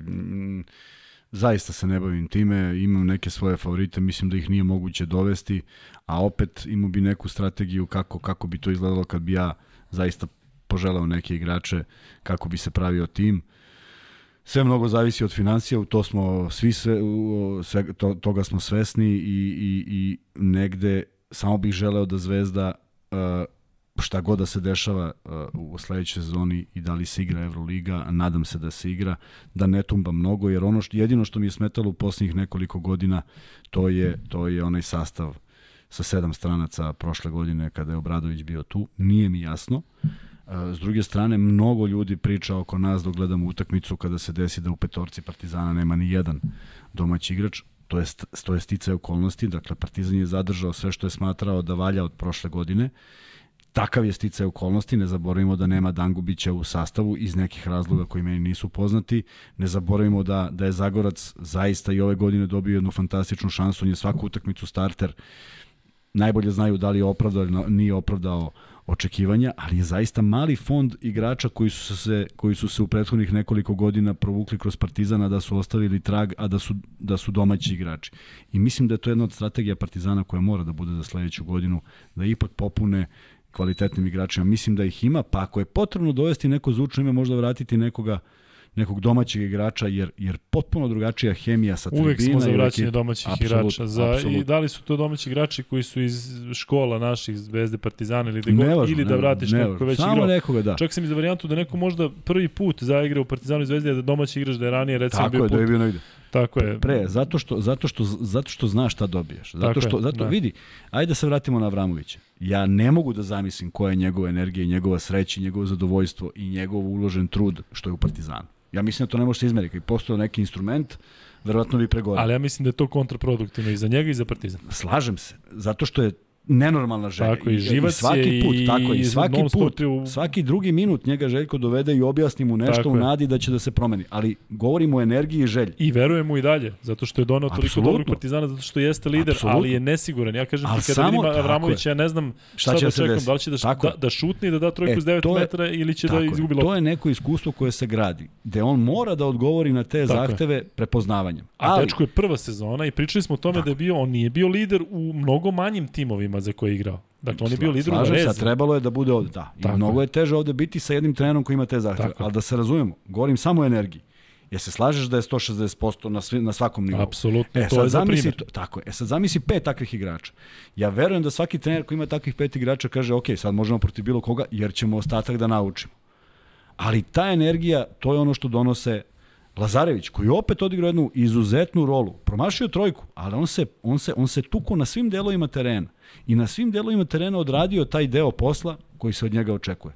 Dakle, tačno ima svoju ulogu. A Partizan nije stigao da formira uloge pojedinim igračima i zato ih je e, manje na terenu. Miloš Čančarević kaže, Kuzma, bio si cool tip do ove informacije. I ima smiley, ali ne znamo do koje informacije. Do koje ne znam. Da, Miloš, ajde pošalji dole, opet da vidimo na što konkretno misliš. A onda ispod piše Matija 6, kao navijač Partizana podržavam gospodina Kuzmu. Dobro, gospodine, imaš da kažeš Viš nešto, Matija? gospodin čoveče. Da. Hvala Matija, vidi, uh, ne znam, naravno, ne znam ko je Matija. Ono pomisli vjerojatno neko da mi je Matija ono prvi komšija, Da. sin pisao. Ovaj, e, zaista želimo da i nemam nikakav problem i želim da komuniciramo i, i, i mnogo nam je super, mnogo nam je super, mnogo nam je lepo. A stvarno nam je mnogo, Mnogo super. nam je lepo kada Da, pišete lepo jer, jer stvarno se stvarno se ovaj obradujemo koliko to ljudi prati, odakle prati Tako i, i zaista samo bez nekih nema ovde nema ovde uh, bilo kakvih zlonamernih stvari, nema nikakvih ubeđivanja, niko ovde neće nekog obrlati da navija za drugi klub, jednostavno pričamo o de facto stanju stvari na terenu sa željom da, da ovaj region ima, ima ta dva predstavnika, da uvek ima te kvalitetne ekipe koje mogu da naprave promenu u terenu i iskreno ti kažem, Uh, uh, ja prosto ne znam, znaš, kad god mi neko priča, ja prosto ne mogu da shvatim kako je neko ostao, mogao da ostane ravnodušan na 91. kad je Đorđević dao trojku. Ja, ja prosto ne mogu da razumem sportski. Znači, igraš 22. protiv nekih, 22. Igraš protiv nekih tamo španaca i postižeš trojke kako svi gledaju. Ili Kecman kad je utišao Hrvatsku. Celu. Pa to ne može niko da kaže da je, da je, ovaj, da je Što je najgore, da je može. loše bilo. Pa verujem da, može. Da. da. E, a imam jedno pitanje koje sam teo da postavim, ali da se Kome? ovaj, svima. Ajde. Zamisli te godine ekspertiza sudijska i ustanovi se da je Kecman lo- loptu imao u rukama 0,7 sekundi. Pa dobro, ništa ne bi promenilo. Kako Pa ustanovi bi se, zaustave, zaustave i kažu aha, 0,7 na usporenom snimku. Ne, ali govoriš o ekspertizi nakon utakmice ili govoriš o Govorim video ti o čeku? zaustavljanju vremena, o video čeku. Ba, dobro. Ja zato kažem da ubija košarku. Jer, jer taj frame, to može zaista da utiče. Ne, ali pazi, ti govoriš o tome Zamisli da samo da je bude 0,7. postojalo i dođe ovaj kaže Ali on izbacio loptu na vreme. ovaj kaže, on izbacio loptu ne na znam vreme. i da li izbacio, ne, nema, jeste, ne jeste, postoji nijedan snimak. vreme, ali možda vreme kasnije pušteno. Možda on jeste imao 0,7, ali ne bi mogli suditi to da vrate da su Hoću da gledali 100 kažem koliko to može da unazadi košarku i neke momente kojih smo, prisu, kojih smo se, uh, se dočili. A ne zaboravimo da je Stojko Vranković vratio košu, loptu stablu. Jeste, jeste. Znači nemamo šta da pričamo. Tako da Ne, to ne, se ne. dešava. E, pozdrav momci, pitanje za vas, gde treba Zvezda da se pojača i vaše želje naspram mogućnosti? E, definitivno pozicija centra, dakle Luka Mitrović verovatno ne može da, ja mislim Luka da Mitrović fizički apsolutno ne može. Ne može, ne Da. zato što mislim da ne može da ne, nego iziskuje mnogo od njega. Dakle, i Ognjen mnogo. Kuzmić, možda se ja mislim i očekuje previše od Ognjena Kuzmića Ognjen ovako, posle Kuzmić svega, je posle... apsolutno čovek koji je ovu sezonu Tako je. odigrao maestralno. Šta Najveći god heroj misli- Zvezde možda jeste Ognjen Kuzmić posle Tako svega, ovako Posle svega, jeste. Sa se da je bilo svim nekoliko utakmica za redom u Euroligi gde on stvarno bio najbolji igrač. bio najbolji igrač, ne igrač držao je, sada mi da tako ga je. hvalimo šest Ne, ne, ne. pojena pa skok u poslednjem. Igrač koji je je- držao sve. Tako je. Ono što je on prošao u jednom kratkom periodu, porodičnih tragedija, saobraćaja nesreće, povrede i svega, i jedan, koliko sam ja informisan, nenormalan rad tokom prošle godine je doveo do toga da je zaista i samo da je bilo sreće da postoji taj drugi, a ne zaboravimo, Cirbes postoji tu, samo što je čovjek doživeo povredu e, kakvu je doživeo I, I mislim da iskreno da ga... nikada neće biti isti. Znači, Nikad, ja mislim da Cirbes, teško, pa teško, ne da neće pa biti već... na onom nivou kad igra s Bobi Marjanovićem u Euroligi, nego ja mislim ne, da svaka bio sledeća... Tako je. Bio... Ali ja mislim da je realno, nažalost, da Cirbes iz sezone u sezonu bude sve gori gori. Pitanje je kako će se ovo odraziti ovo na njega. I, e, a, I očekivati nešto od njih je previše. Sad da, zamisli da, Cirbes, Mitrović, Kuzmić. Ipak je to rasterećenje za Kuzmića, je li tako? Mm. Međutim, zaista nije došlo do toga, Lavovski se borio, ja mu zaista skidam kapu, jer ako sam od nekoga malo očekivao, ne znajući da je prošao tako ovu, ovo celo leto, to nije bio neka njegova igra. I mnogo zamerki imao, I ja onog momenta kad sam shvatio koliko on daje sebe, koliko se trudi, koliko skida tih lopti, koliko je u nekim evroligaškim utakmicama protiv dvojice centara izlazio kao pobednik, apsolutno čovjek koji je držao reket. Ne možemo da konstatujemo u 100% utakmica, ali držao reket dosta kvalitetno. Prema tome, Vaše Svaka, mišljenje... E da, šta je bilo pitanje? Uh... Da, White, White koji nema onu sezonu od koje se očekivalo iz prostog razloga što je doživeo užasnu povredu. Uh, Volters koji mislim da je ispunio sva očekivanja. Absolut. Mislim da je on čovjek ne, koji... Večeras, tako je. sa onim floaterom, tako sa trojkom, sa nekim tako stvarima koje je uradio Volters, ja mislim da je stavio šlag na tortu cele sezone, jest, zato što jest. je momak zaista odigrao kako treba i potvrdio je da, jest. da, da je I bilo bi, bilo bi ako postoji opcija da se on zadrži, apsolutno se drži. Nikola Ivanović gore dole, Novi klub, novi zahtevi, uh, nije lako igrati u Zvezdi. Kad to, kažeš to... gore dole, misliš na sezonu, zato, gore, što, dole, zato da. što su ljudi pitali ko da ostane sledeće sezone. Kako Mislim, apsolutno da da, jer je da, čovek da te ne koji... pogrešno, ne, zato kažem. Gore dole u smislu oscilacija Tako u igri, ali dečko koji je toliko lepih utakmica odigrao u dresu budućnosti, ni on zaborio da igra košarku, kažem, dešava se da dođu novi zahtevi i dešava se da dođe novi zahtev u, u kvalitetu utakmica, jer ove godine Euroliga igrao je zaista protiv ozbiljno teških uh, saigrača na svojoj poziciji. A ti delo da nam onu trojku protiv Srbije dao pre 15 godina? Pa nije. pa ne, neverovatno, znači meni delo da je to bilo, znaš ti kada je to bilo? Da. Ima 10 godina da. sigurno. I još jedna vrlo bitna stvar, kad praviš ekipu, ne mora nužno da bude neki koji se druži sa svima, ali mora da bude Naravno. pozitivan čovjek. A ja o njemu nisam čuo apsolutno ništa loše, što je jako teško iz Podgorice. Vaše mišljenje zašto nije igrao Koprivica? A, mislim ima da se jedno Željko... pitanje, ima jedno pitanje kako je Željko konstantno kroz seriju menjao na centru, da li je to dobro ili loše? Pa očigledno, A, bilo bi sigurno dobro da je Partizan na, u završnici pobedio i dobio titulu. Sad ljudi vjerojatno prave koji su razlozi što je Partizan naš. E, vidi, to je ono, to je ono, e, to je ono što ja sebi ne dozvoljavam kad igraju, ne znam, dva kluba prve srpske lige. Sad treba analizirati zašto Željko nešto nije ajde već da pričamo o jednoj logičnosti. Izabro je tako i to mora da bude jednostavno stav. Zašto? Izvini, evo konkretno, vaše mišljenje o taktici Obradovića, ako se ne vram, poslednje tri utakmice je svaki put startovao sa različitim centrom, Lesor, Koprivica i evo danas Smajlagić. Mada ima ispod da je Smajlagić, ja mislim, počeo četvrtu utakmicu, ali bilo je na toj poziciji 4-5, nisi znao šta da očekuješ, tako je, što je znači, možda zašto, neki faktor iznenađenja. Faktor iznenađenja i možda nešto u odbrani što će se lakše tako preuzeti sa mobilnijom je. ekipom. Prema tome, gleda se ko s kim igra. Nije ali, sigurno slučajno, sad nije slučajnost, pa sad kao. Ali ajde, ajde da vidimo, neka, neka svi vrate film, gde je tu Zvezda počela nešto pa, pa napravila 15-20 razlike na početku utakmice. Dakle, ima sve zašto i kako.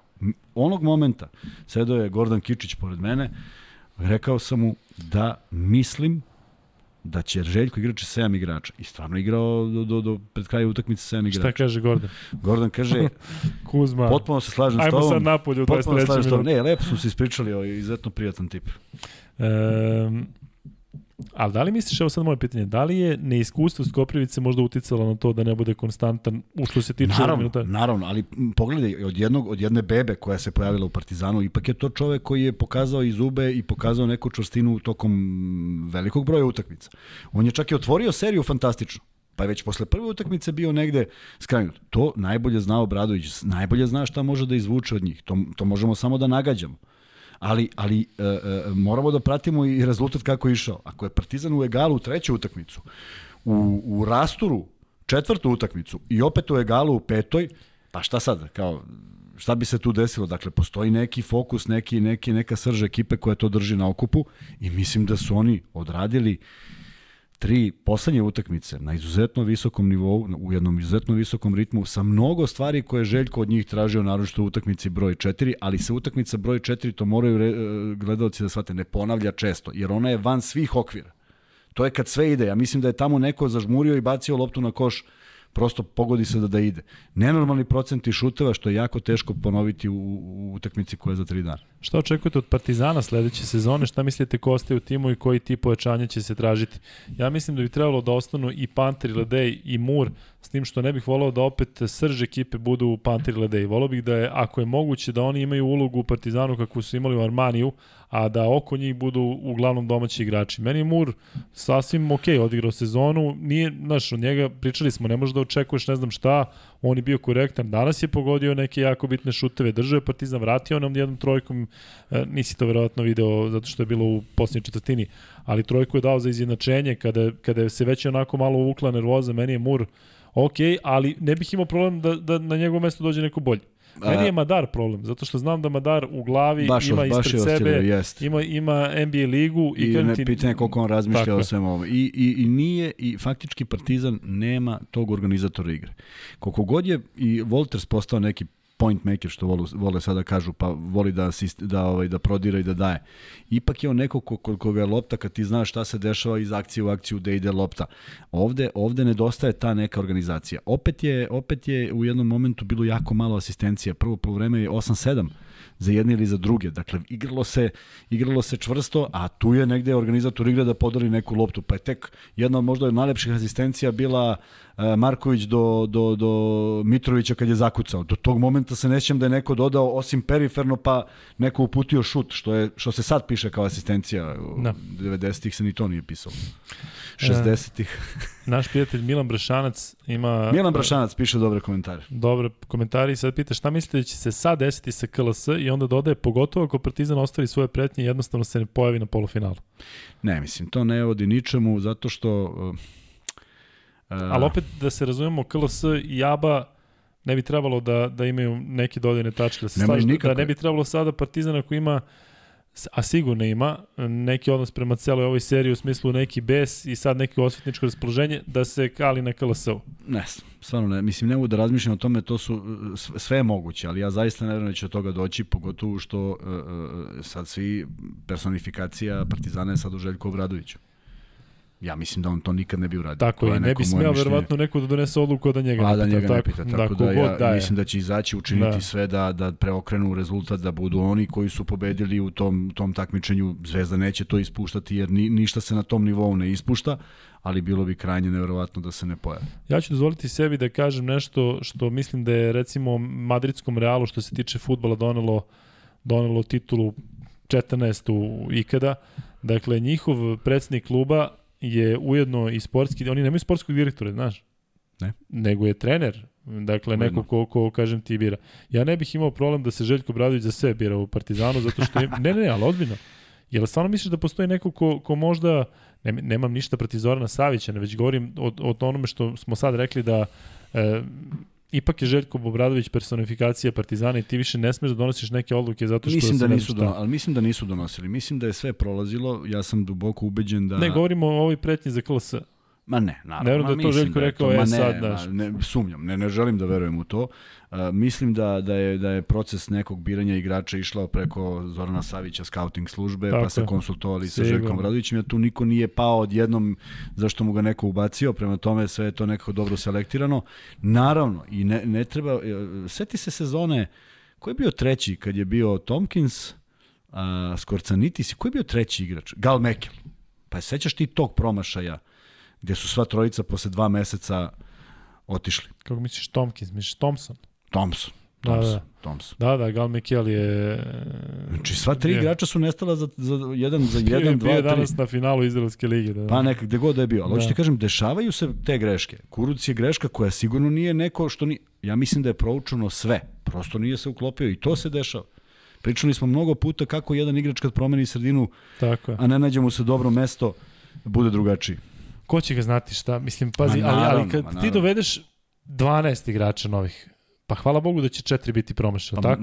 negde statistika, negde statistika postoji da postoji određen broj. Ne mora četiri, ali neki broj Ali ne mora možeš da da bude. očekuješ da svih 12 budu zdravi i da Ne. svi budu pun pogodak, Ne, ne. zato što bi onda svi tako radili. Ne, pa ali... to bi bilo, pa samo dovedeš i tu se igra. Tako je. Ja mislim da je za Partizan ovo jako bitna sezona što se tiče iskustva. Ja mislim da ovaj tim, re- recimo da Ako ostane ostane- ovakav, tako je, baš ako takav kakav jeste. Sledeće sezone možda bude samo bolji i to mnogo On će bolji. biti bolji, ali može da se popuni nečim, pa pazi, Kuruc je odneo jedno celo mesto, tu Da. je sad neko ko je morao više minuta da provede na parketu, zato što njega nema, a sve su oči- uprte u njega.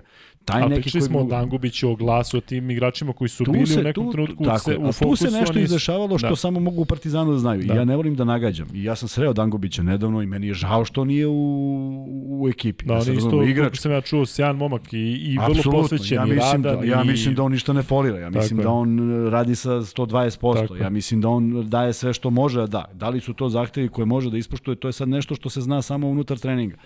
Ali mi je žao što, i zaista e, negde, aj sad razmišljam zaista hipotetički. Ja čak mislim da bi on na, ovo, na klupi u ovom momentu doneo Partizanu možda tu neku taj neki moment, momentum gde se uzme jedna lopta, on skoči kao što Lazarević skoči preko svih pa uzme baš tu jednu koja na kraju bude prevaga, ali tu se, tu se uopšte ne dira i tu se ne priča, to je jednostavno odluka stručnog štaba koja sigurno ima mnogo veću težinu nego što ja i ti pričamo i pretpostavljam. Evo jedno pitanje ako želite da odgovorite. Naravno da želimo, ja ako propustim neko pitanje, to je zato što svašta dolazi Što pa... ne vidiš. Tako je.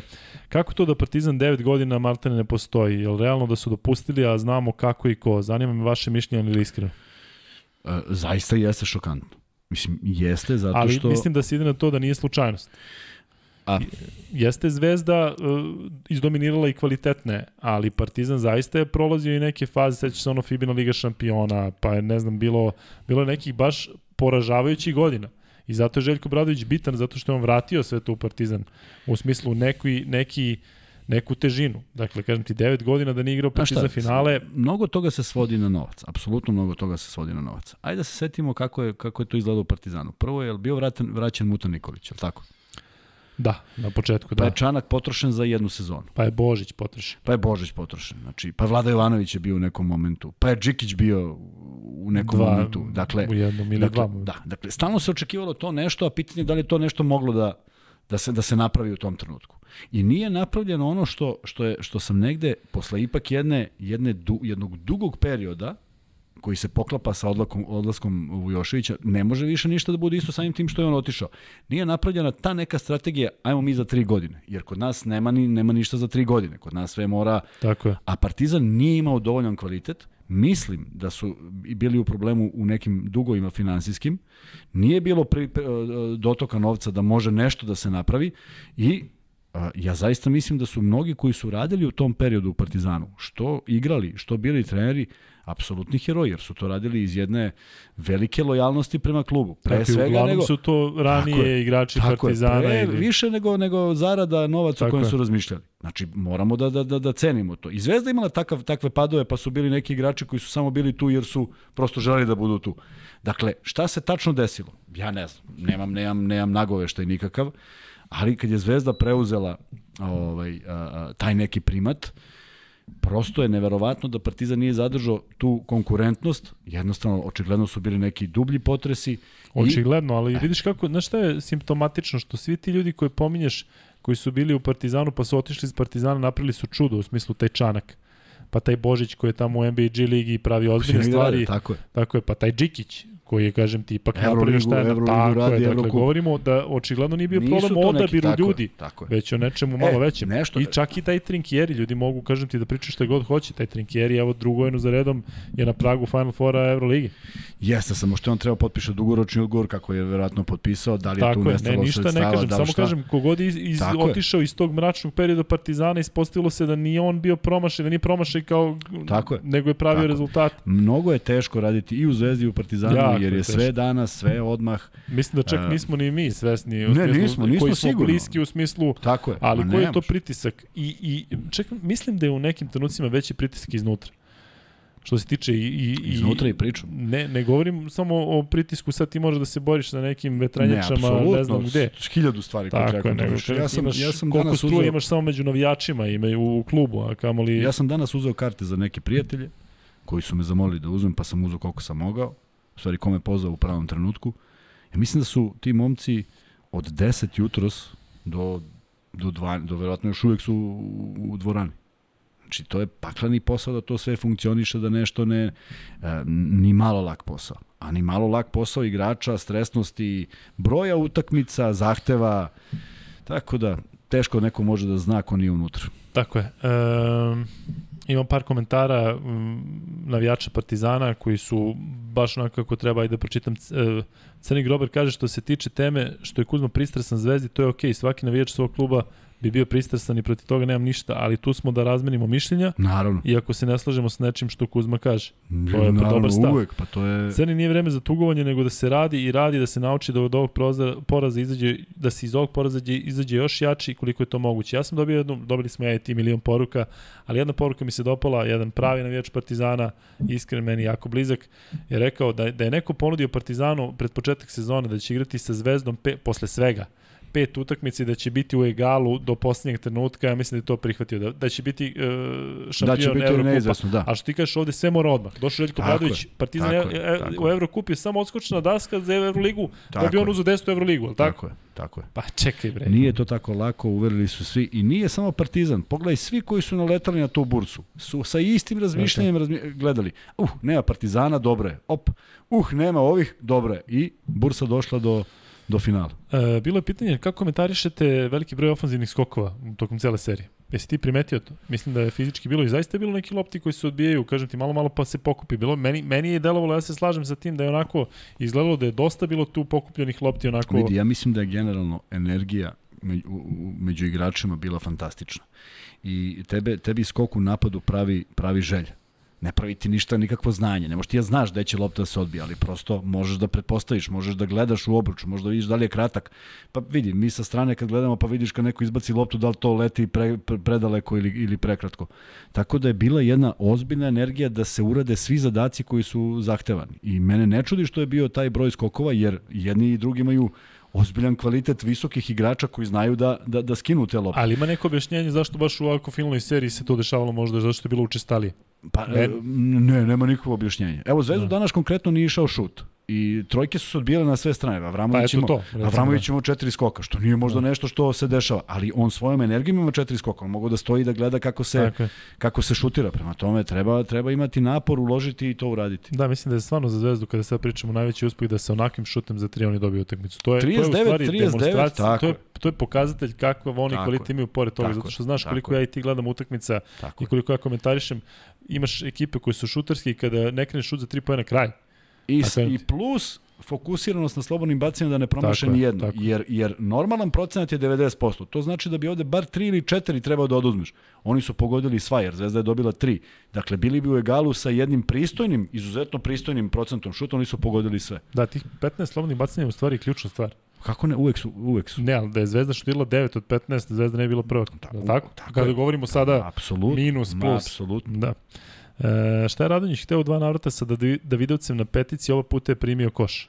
Pa morao je, bez obzira, bez obzira što je primio, morao je nešto da pokuša, da. pa naravno, zašto Mitrović je upao u problem sa penalima, Kuzmić je morao da sačuva opet od nekih takvih, i vidi da se razumemo, Kuzmić ne deluje kao čovek koji može da igra tih 40 minuta. Troši se mnogo, velike su to poluge, trči napred-nazad e, sa mnogo nižim igračima koji su brži. Prezahtevno je, tako da mislim da je samo hteo da nešto pokuša. Nije bilo loših momenata kada je u prošlosti čuvao Ledeja dole ili Lesora pa im izbio lopte tako da, da Ljudi to je bila to je da se ideja. pokazalo tako par je. puta, nije ovo eksperiment, ajde tako da je u peti utakmici. Nije ovaj sada imamo šta ćemo da radimo, da, nego da prištedi nekoga. Tako je. E, opet pitaju šta će se desiti sa KLS ligom. Željko je malo pre na presu rekao da ne znam da li će Partizan igrati KLS. Zaista ne znam, ne znam, ne znam čemu to vodi u smislu, ne razumem, šta, razumem šta je problem, ali evo sad, ajmo, ajmo samo jedno pitanje, evo, pitanje za sve. Partizan je protiv činjenice da ABA liga određuje mesto u KLS i žele Final Four. Žele jednu utakmicu. Jel zaista žele jednu utakmicu? Oni koji su kivni na sistem takmičenja na jednu utakmicu protiv Burse. Nema logike. Ne možeš da želiš ovde jednu, a da ovde ne želiš jednu. E to je ono što mi smeta. Da se zalažu za isto, to bi razumeo. Ali Obradović je posle utakmice rekao, svesni smo kakav je sistem takmičenja, glup je, mi smatramo da je glup, ali smo to prihvatili. I sad hoćeš da bude podjednako glup. Ja se slažem da nema utemeljenja zašto treba neko da bude prvi ili drugi, ali to ne postoji već godinama, ne od juče. Ja nikako nisam znao kako su uvezane Jadranska i KLS. A šta da se uradi? Evo šta, danas je, danas je 6. jun. Kako treba da se, da, da se napravi format? Jel ima neko neki predlog? E, taj predlog se donese u septembru i kaže, mi smo razradili sve, evo ga predlog kako će funkcionisati liga, od 6. juna igraćemo ceo jun i jul i završit ćemo negde 15. augusta. Pa ne može. E to je ono što smo stalno pričali da niko ne vidi, niko ne vidi širu sliku da ovi momci ne mogu više da igraju. Da će i ovo malo KLS koji bude, da ja potpuno razumem ljude iz KLS da žele da to takmičenje ima svoju legitimitet i da, i da bude kredibilno i sve. I stvarno je na, na, napravljen na drugačiji format tako da se ne igra tako ono... Ali, ali to je sve ad hoc. Da. Oni to nisu smislili u septembru. I sad moje pitanje na sve to, evo ga, i Zvezda je u, fina, i Zvezda je u Euroligi, Partizan je u Euroligi. I maj mesec oni igraju Final Four. I šta se dešava onda? Kad završavamo ligu? Kad završavamo ABA ligu? 68. Fendluara. Pa tada. Dakle, KLS ne bi ni mogao da se odigra. E, to su stvari koje mora neko da sedne da se dogovori.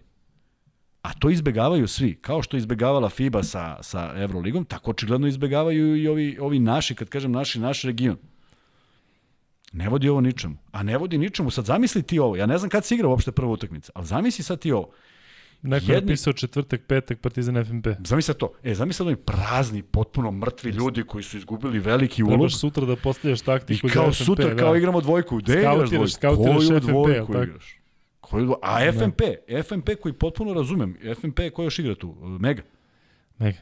Ej, ja ih potpuno razumem, jedva čekaju da te pojedu. Tako je, tako je. pa njima je to, njima je to highlight sezona. I nekima verovatno i highlight uh, karijere. Karijere, ej, dolazi da, da. neki panter da ga čuvam, pa sad ću, sad ću mu odgrizam nogu, pa je tako? a ovaj ne zna gde bije. A ovaj, a ovaj ne zna šta sad da radi sa sobom. Da. E, komentarišu sada ljudi dosta e, potez... Moj, moj izgled. da, i, i moj isto. Koš Holinsa i blokadu Lesora, što je ti nismo... Kažu mi da je lopta udarila u tablu. Ne mogu da tvrdim, morat ću da vratim, da nađem. Tako je, ja i Kuzma ne možemo to da komentarišemo. To ne mogu da tvrdim. katastrofa sam... što je Kuzma morao da napusti halu, a ja sam krenuo i, ni, i isključen mi je signal. Iskreno ti kažem da, da, da, da tomu što sam pratio, da, pojasnim, da ne ulazim previše da mi je baš bilo, da mi je baš bilo žao i bio sam revoltiran i zato nisam hteo da gledam. Ne zato što me nije zanimala utakmica. Mogu sam sednem u neki kafić, ali prosto sam poludeo što ne mogu da gledam nešto što mi se do tog momenta dopalo. I ne zanima me ko je kriv ili ne kriv, nego mi je samo žao i onda sam pratio tako kako sam pratio. Međutim, dobijao sam informaciju da je krenuo na ulaz, da je lopta pogodila tablu, ali ja to ne mogu da tvrdim. Naći da. ćemo negde, neko će Naćemo, sigurno da, objaviti, da, pa ćemo vidjeti. E, kaže Gavrilo, princip za KLS samo deca mogu pionir i kraj ne bih imao ništa protiv da se napravi taj neki rad da... A vidi, bolje, bolje utakmica delovala od kad su svi izašli. Jeste, možda, jeste, jeste. Možda nešto se tiče košarke, košarka, prava da je, košarka. Delo je da je bilo ozbiljno dobro. Prava košarka na jednu loptu. I ako govorimo predsezone, zaista smo ovo i tražili na stranu sva dešavanja. Na stranu sva dešavanja. Da Partizan tako, i Zvezda igraju petu utakmicu na jednu loptu. Tako, tako? Tako je, apsolutno. E, sapetanje Lesora, Davidovca sa leđa i nije nesportska, ljudi malo i to komentarišu, to ne znam Ljudi da li... komentarišu zato što upravo, e, još jednom ću ponoviti, nisam ja neko sad tu nešto što priča, pa to treba bude sve to pismo. Ali, zamisli da nema formulacija namernog farma, osim ako nije onaj namerni iz našeg perioda kad uzmeš nekog udariš u glavu. Niko ne bi ni pričao o tome. To bi bio samo običan faul, je li tako? Da.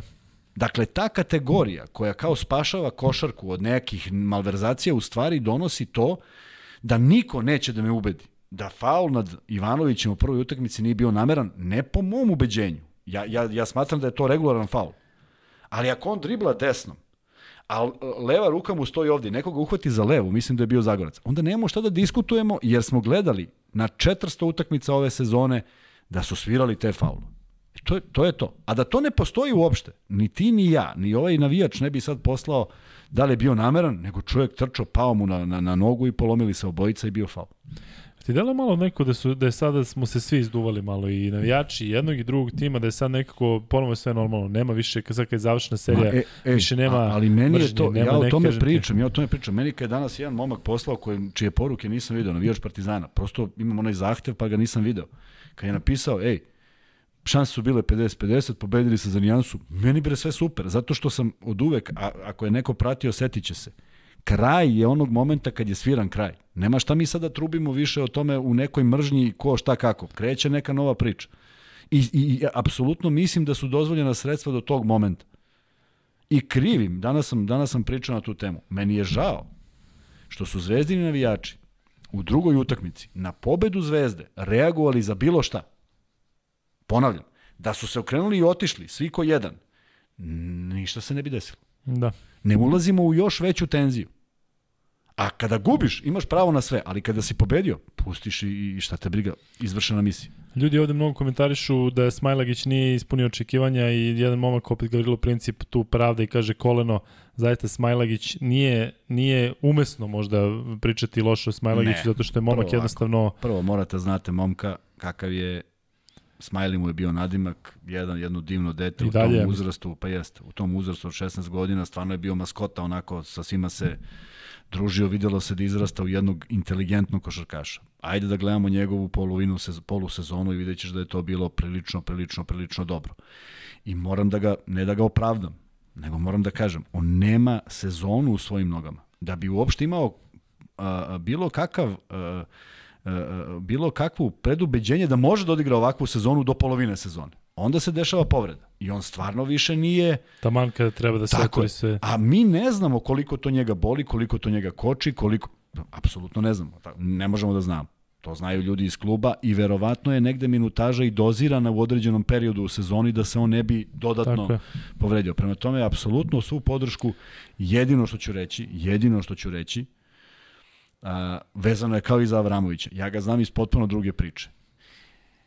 Onaj masakr koji je Zvezda doživjela u četvrtoj utakmici.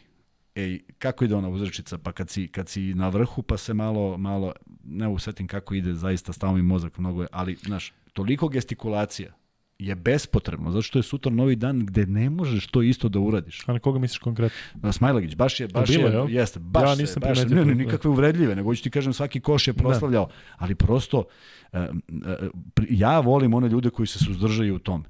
I kad dođe kraj, ma možda slaviš, ali nemoj da ni podaštavaš bilo protivnika, bilo koga da omalovažavaš, jednostavno ja nisam taj čovek koji to, ko, to, u tome uživa, samo mi izaziva neki, neki loš pori.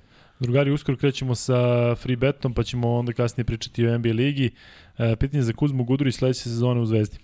Eh, najave kojima bi svi Isto uživali. Isto pitaju za Teodosića, da li je realno?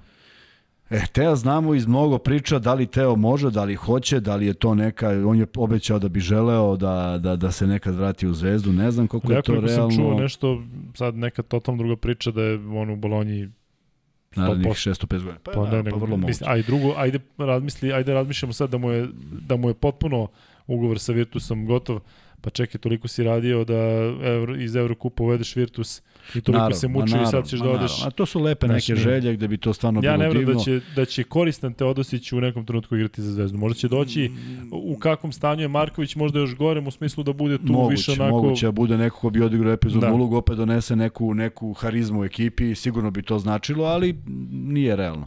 A što se Gudurovića tiče, on je u odličnim godinama. Piše ovde tome... jedan momak da ima, ajde da mu verujemo, zato što mislim da ljudi ne, ovde ne bacio onako tek neke fore da ima i dalje aktivan ugovor sa Fenom, što je logično, nije potpisao pa, da ugovor kada je došao iz Memphisa na jednu godinu. Da. Tako da ne verujem, ne verujem. Ali sve su to neka lepa maštanja gde mi kad saberemo sve igrače Partizana, Zvezde i uopšte ti koji igraju, ima zaista plejada igrača koji igraju na vrhunskom nivou, ima plejada onih koje ne znamo gde su, a verujem i da su prilično dobri igrači, samo zato što su izgubili neku svoju poziciju u Srbiji, zato što ih neko manje ceni ili im neko ne daje pravu šansu, tako da ono što smo pričali u jednom momentu i za, za ABA ligu, za KLS, neki dogovor, neka strategija, nešto što je opipljivo, nešto što ima neki smisao, a ne samo, samo obaveštenja, samo rasprava, samo ko bolji, ko loši, ko gde, ko kako. Ne volim to i ne uživam u tome. Šta mislite o Markoviću, odnosno njegovoj ulozi? Čini mi se da je doveden samo za finale, da iskustvom doprinese osvajanju titula. On je po mom mišljenju diskretni heroj pete utakmice. Marković je apsolutno diskretni heroj što igra na, na, na, na nivou za koji sam stvarno mislio da neće moći da igra koliko god navijači zanemarivali njegovu ulogu u, u, u celoj ovoj sezoni, ja moram da iznesem nešto što možda i znam bolje od drugih. Prvo, došao je potpuno iz faze mirovanja. Drugo, znam da imao dogovor da neko vreme malo se adaptira da se vrati u život, ubačenje u vatru, jer je što tako... Nije moguće kad dođeš u Zvezdu. Nije moguće zbog toga što i COVID učinio svoje tako i povrede, tako, tako da je Marković ubačen u vatru najbrže moguće, i jednostavno to telo ne može da prati.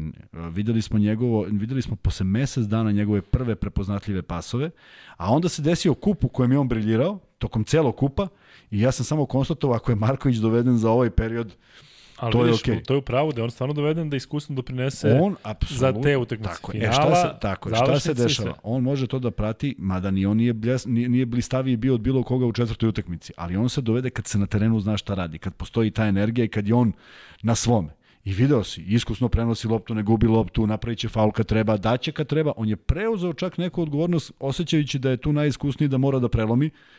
I, i mnogi ne veruju u njegov šut, a kada se sve uzme procentom, uopšte ne mislim da je toliko loš, nego on kad promaši zaista to deluje da je, proma, da je promašio preozbiljno, ali jedan igrač u kojeg sam ja zaista imao poverenje i verovao da će, da će da odradi ovakav posao i zaista mu uh, skidam kapu kako je prebrodio svu tu neku krizu i sve te neke nedaće koje su ga sigurno pratile, jer ja mislim da je on bio onako na na izlasku iz, iz, iz, iz, iz uh, nekopačke ali patika. Da li Zvezda sa dobrom peticom i sa jednim dobrim šuterem, a ljudi ovde sada pominju Bilija Berona, da li Zvezda sa ovim timom i sa jednim dobrim centrom i dobrim šuterom ima uh, tim za top 8?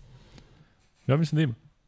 Ako je ovo taj tim... Ja da se opet stvarno... vraćam na celu priču i ovaj, ovaj, ova, ova ekipa Zvezde kada je koncipirana, ja sam rekao da su oni u top 8. E sada, nisam računao da će Cirbes da za taj, nisam računao da će da Vajt ima takvu povredu, prema tome ako pričamo o nekom kvalitetu i profilu igrača kako je zamišljeno, moguće da je u jednom momentu u sezoni bio potreban taj jedan igrač.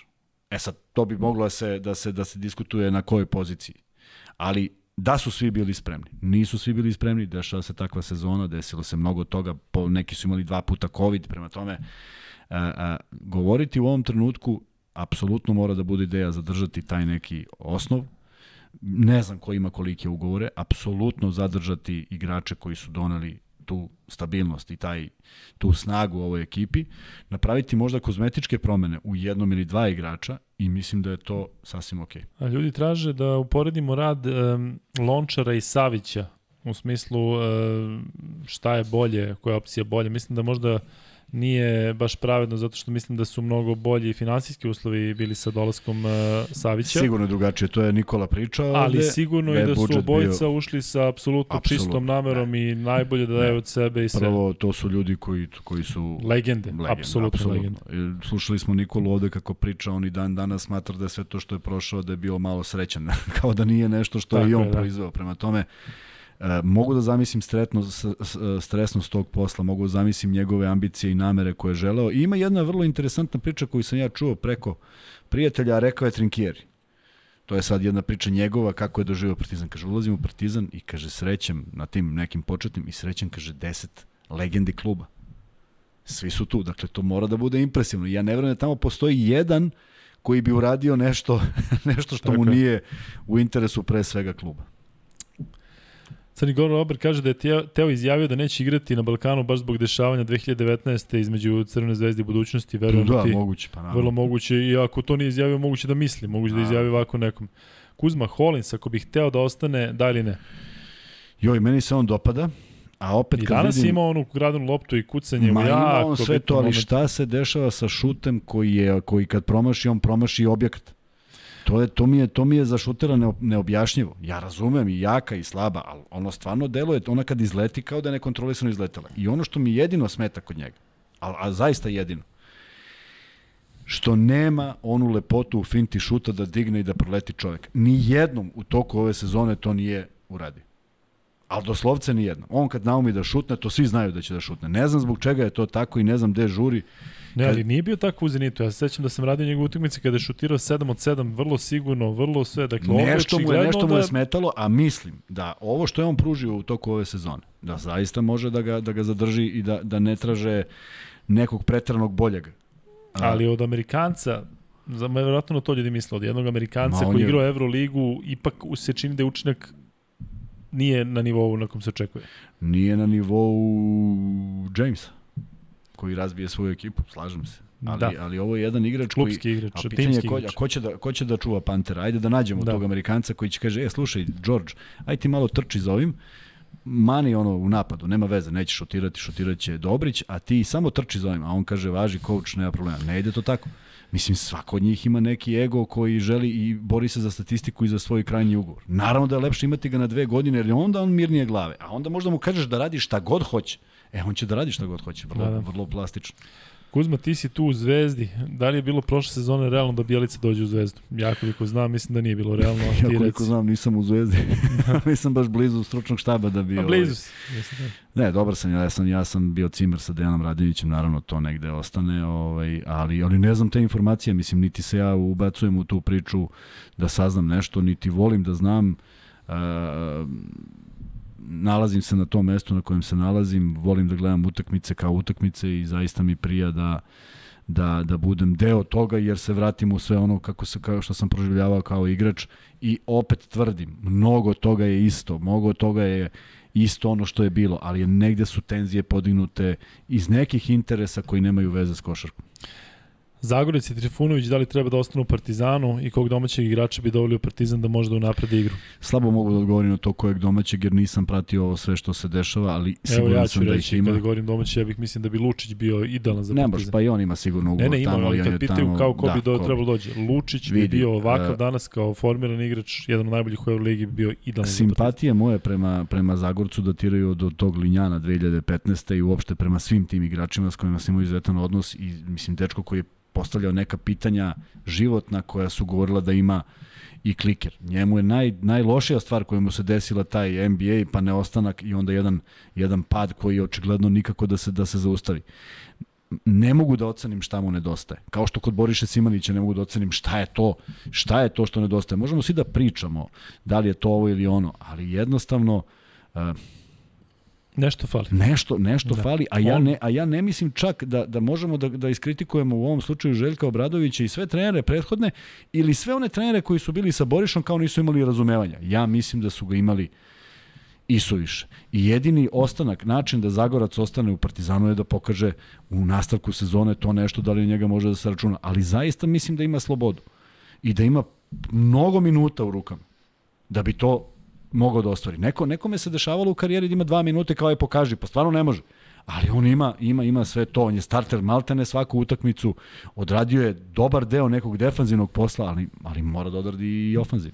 Ovde ljudi komentarišu kako bi bio idealan Andjušić za Partizan, ali možda ni to nije realno. On je celu, celu karijeru gradio da ovo dođe u ovu fazu da, da, da bi da mogao da naplati tako. verovatno i sada ne verujem da može Partizan da... A i nešto mislim da nisu, da nisu se nešto rastali, ako se ja dobro sećam u nekim dobrim odnosima, tako da tu je bilo... Sećaš da si ono rekao da je jedno vreme i Zvezda bila u tom da, problemu. Da, sad Partizan je u skorijoj e, tako, malo bio, skorije da. su to bile neke uh, stvari koje su dešavale, stice okolnosti i da se razumemo, 90-ih, bili smo još u gorim pozicijama. Dakle, dakle nismo mogli da računamo ni na šta, pa ako ti klub kaže ne da, ne da, ja želim da se to promeni, želim da igrači budu zaštićeni, ali sam isto i pristalica toga da ne može baš svaki igrač da naplati. Mene, mene, mene zaboli kad je onaj, kako se zove centar Partizana što je naplatio sve? Za koga govoriš? Za, pa za stranca? Belorusa, Rusa ili Ukrajinca? Um, na P, što je igrao za... Parahuski. Parahuski, pa Artem ej, Parahuski. Nemam veze da. s tim, ali me zaboli. Što je igrao za Nižnji, pa je došao kao, Mislim, kao ono jedan najboljih igrača. To je to i zvezda pravila, to Jest. se dešava. Tako I neko da, ti je katastrofa. Ej, a zamisli mi koji smo se borili bukvalno ono da, da ti je. odigraš celu sezonu i kao, aha, kao, drugi ste, kao, znaš, nismo prvi. Da. Pa da li da, da, da, da, Mnogo se promenilo, mnogo je bolje, ali mora da se zaštite jedni i drugi i ono što je najvažnije, ti prepoznaješ ko daje stvarno sve od, na, na, na, na parketu. I zato taj Hollins, kada, ga, kada pričamo o njemu, pričamo o čoveku koji je stranac, gde ne umanjujem Ledeja i Mura i Pantera, da se razumemo. Znači, to je profil igrača koji veruju svojim trenerima, imaju odličnu interakciju sa publikom i doživljavaju taj, taj klub kao svoj. I uradit će sve što je potrebno. Jenkins je bio taj, Nelson je bio taj, to su bili pogoci zvezde. Tako je. Bome Caleb je bio taj koji igrao. Apsolutno. Ja mislim da on danas spava u crno-belom dresu. Ja mislim da, da tu i najbolje igrao. I tome, ispod ima dres Makedonije. Pa da, eto, kombinacija. Šta kažete na Kopsa u Partizanu, ističe ugovor sa budućnosti? Ne, nije to igra za nije, Partizan. Da. To, to je kao da to... gde je Pulen, recimo, taj, taj ne, tip. Ne, ne, ne, nije, nije. To, to... Ne mislim da su sličan tip igrača, nego jednostavno nije to taj nivo. Ma, da znam misli, Željko mu kaže, aj sad ti tapni 24 Tako. puta pa šutni, mislim da bi se čovjek poludao bi. Parahovski, da, Parahovski. Parahovski, ma da. E, Ognjer Divojević kaže da mu nismo pročitali pitanje, pročitali smo ih dosta, ali ajde postavi ponovo. A umeđu vremenu ću vas zamoliti da uradite nešto za našu dušu, e, da se malo javite ko je iz kog e, mesta, zato što to baš volimo da vidimo ovo. Dakle, jedan period dok mi smislimo pitanje za vas. Dakle, ko je iz kog mesta, a ako ste iz Beograda, iz kog dela ste u Beograd, iz Beograda, da pozdravimo malo i mi vas.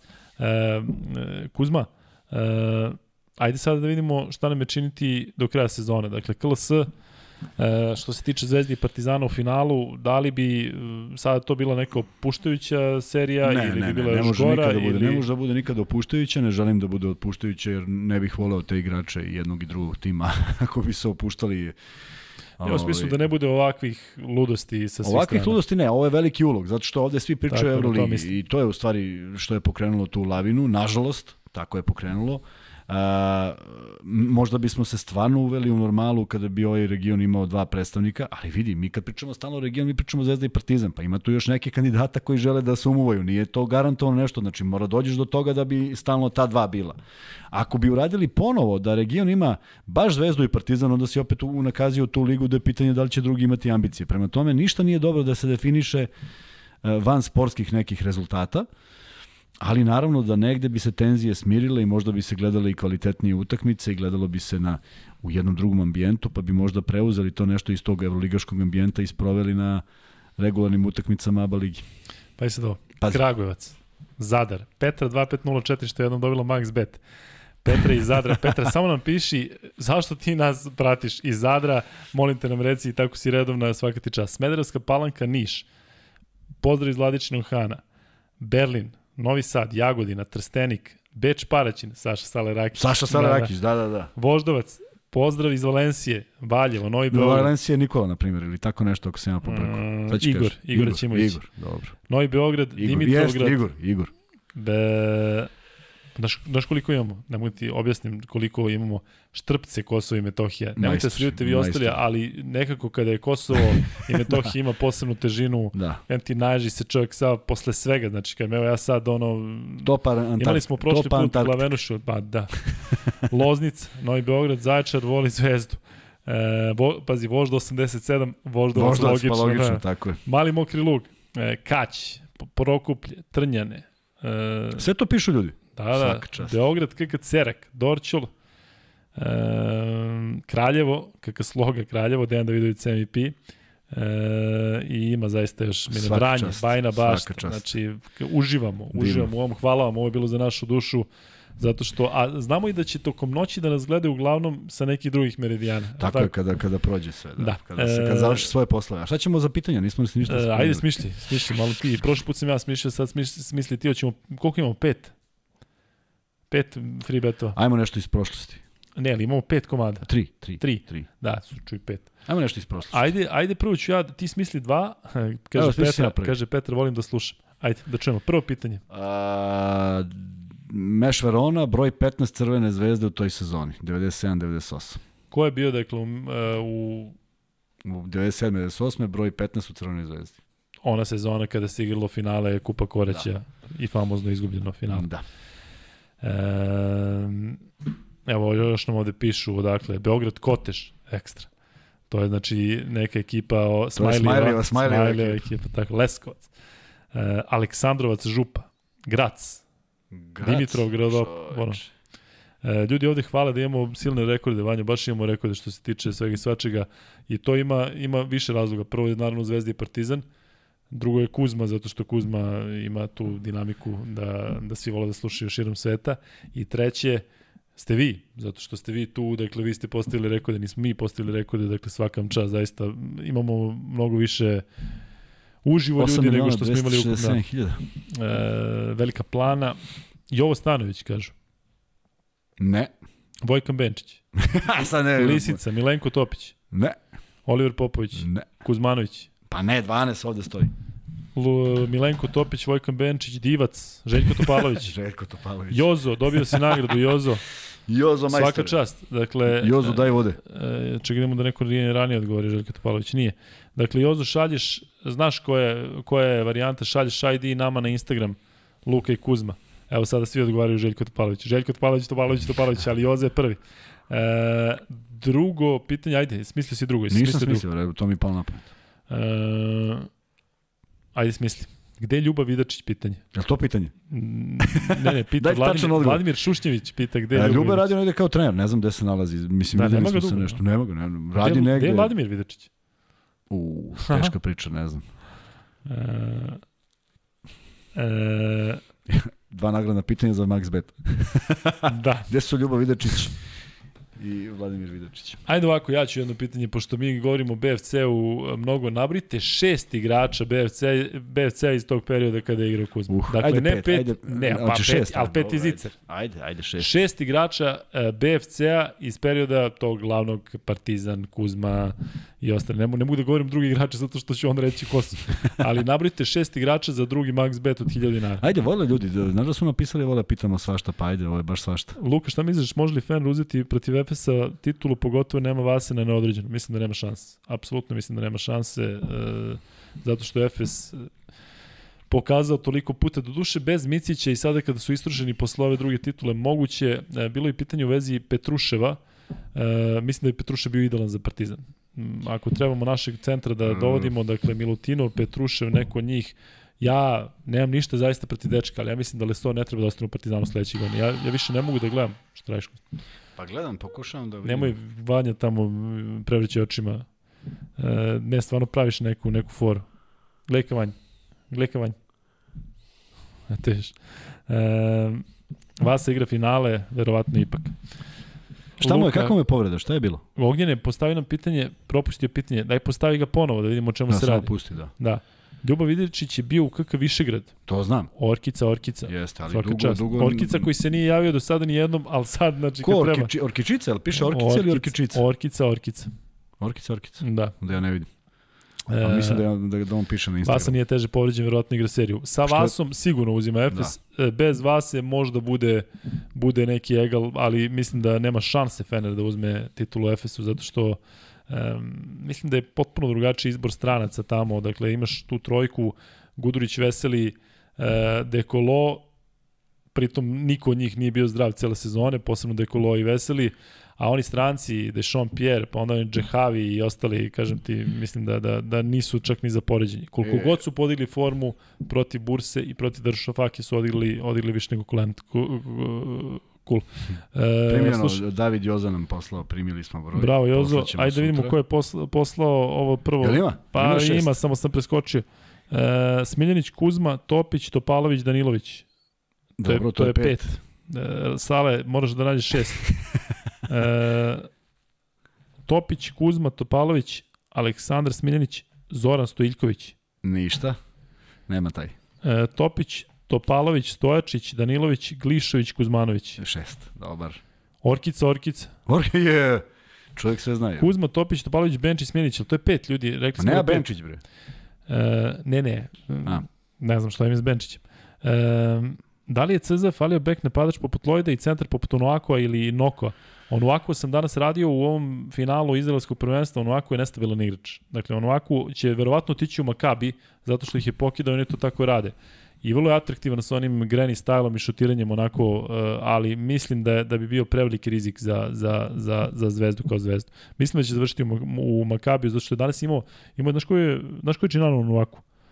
Oni što baca, ono, pričali smo o tom centru, Priča što igra za Hetli. Da.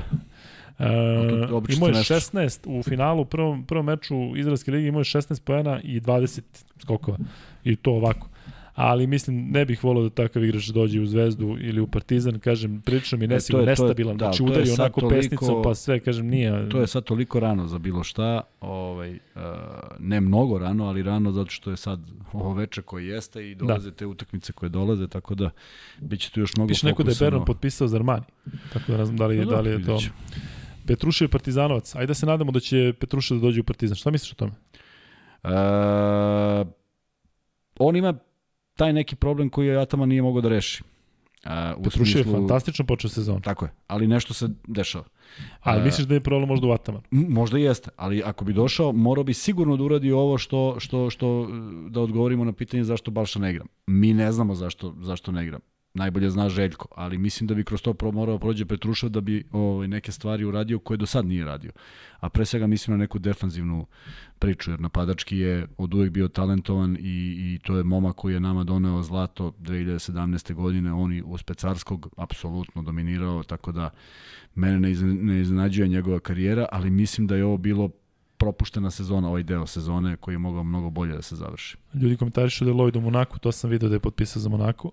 Uh, Luka Kuzma, pitanje za obe, da li ABA Liga namerno blati Zvezdu, Partizan, da su Srbi monstrumi, da su Hrvati Slovenci duše ABA Lige, namerno šalju lošu sliku i da Liga misli da je to tačno, a u stvari nije. To je pitanje koje smo propustili. Da li misliš da ABA da Liga... Jeste, mislim možda, da... Ali da li misliš stvarno, ovo ima logike u smislu da oni ne. puštaju nas da se ode koljemo za, za koji, sebe? Za koji, ovaj, iz kog razloga? Da bi ispalo kako su, eto, da, da ne Ma, mogu dobro, samo... neki ispadne kako jeste, šta sad, evo imali su izbor da se izjasne da li da. hoće ili neće, pa nisu ništa se izjasnili. Prema tome, Uh, onog momenta kada budem video dominaciju hrvatskih ili slovenačkih klubova i budu bili sposobni za to, ajde da vidimo kako će izgledati ta finala. Bili smo u gostici Bone ja u budućnosti i Bolić koji je danas bio sa mnom sa Zvezdom i tamo je bilo toga, tako da samo je pitanje ko će se, kako će se krene u to. Gle, pitanje, da li dolazi Limpivić u četvrte kao što ste najavili? Imamo sva obećanja da dolazi, tako ali da znate da smo se jednom opekli, da. a nije problem ni u njemu ni u nama, tako da spremamo se za Olimpijevića u četvrtak. Mi, kao isto kao i vi, imaćemo neka jako lepa iznenađenja i u narodnom periodu što se tiče Nadamo gostiju. se, dugo, mislim, pričali smo, onaj četvrtak je otpao, zaista je bio kratko u Beogradu, ali ja se iskreno nadam da ga vidimo u četvrtak u 9. Joza pita da li možemo očekivati još neke košarkaške lige na sport klubu. Vidi Jozo, e, teška je jako situacija. Dakle, e, da ne ulazimo u neke detalje, ali borimo se maksimalno. Za sve se borimo na tržištu, ali nije konkurentno, nije prava konkurencija. Kažem ti, to je ko da izađeš ti, sa, da ima, ti i tvoj drugar hoćete da izađete sa devojkom koja je sponzoruša i ti imaš 1000 dinara, a on ima sve pare sveta. Um, da me ne svati niko pogrešno, ali jako je teško. Međutim, imamo taj veliki ugovor sa FIBom. E, imaćemo evropsko prvenstvo, imaćemo sad kvalifikacije, evo Dončić je rasprodato je za Sloveniju, Hrvatska, Slovenija u kvalifikacijama 30. 10.000 karta je planulo ovako, zato što se Dragić vraća, zato što Požar, će Dončić biti Požar tu. neki bio. Šta? planulo. Dobre, e, imaćemo ove kvalifikacije, Dončić ćemo pratiti u kvalifikacijama, bit će dobro. Pite ovde da li bi to bi došao u Zvezdu ili Partizan, nisam vidio za koga, to bi odličan igrač, ali mi neko deluje da, da nije baš taj pokretač na centarskoj poziciji, kada ima Dončića koji mu sve baca, onda je odličan u reprezentaciji Slovenije, ali vidjet ćemo. Kuzma, da li ste zaista dobili mobilne telefone za izgubljenu finalnu tekmu protiv Partizana kada se igra u BFC-u, kako se pričalo kad se bio klinac? No, Mobilni je tada vredao oko 10.000 marka. E, dobili smo šipak. Ma kako, to je, to je...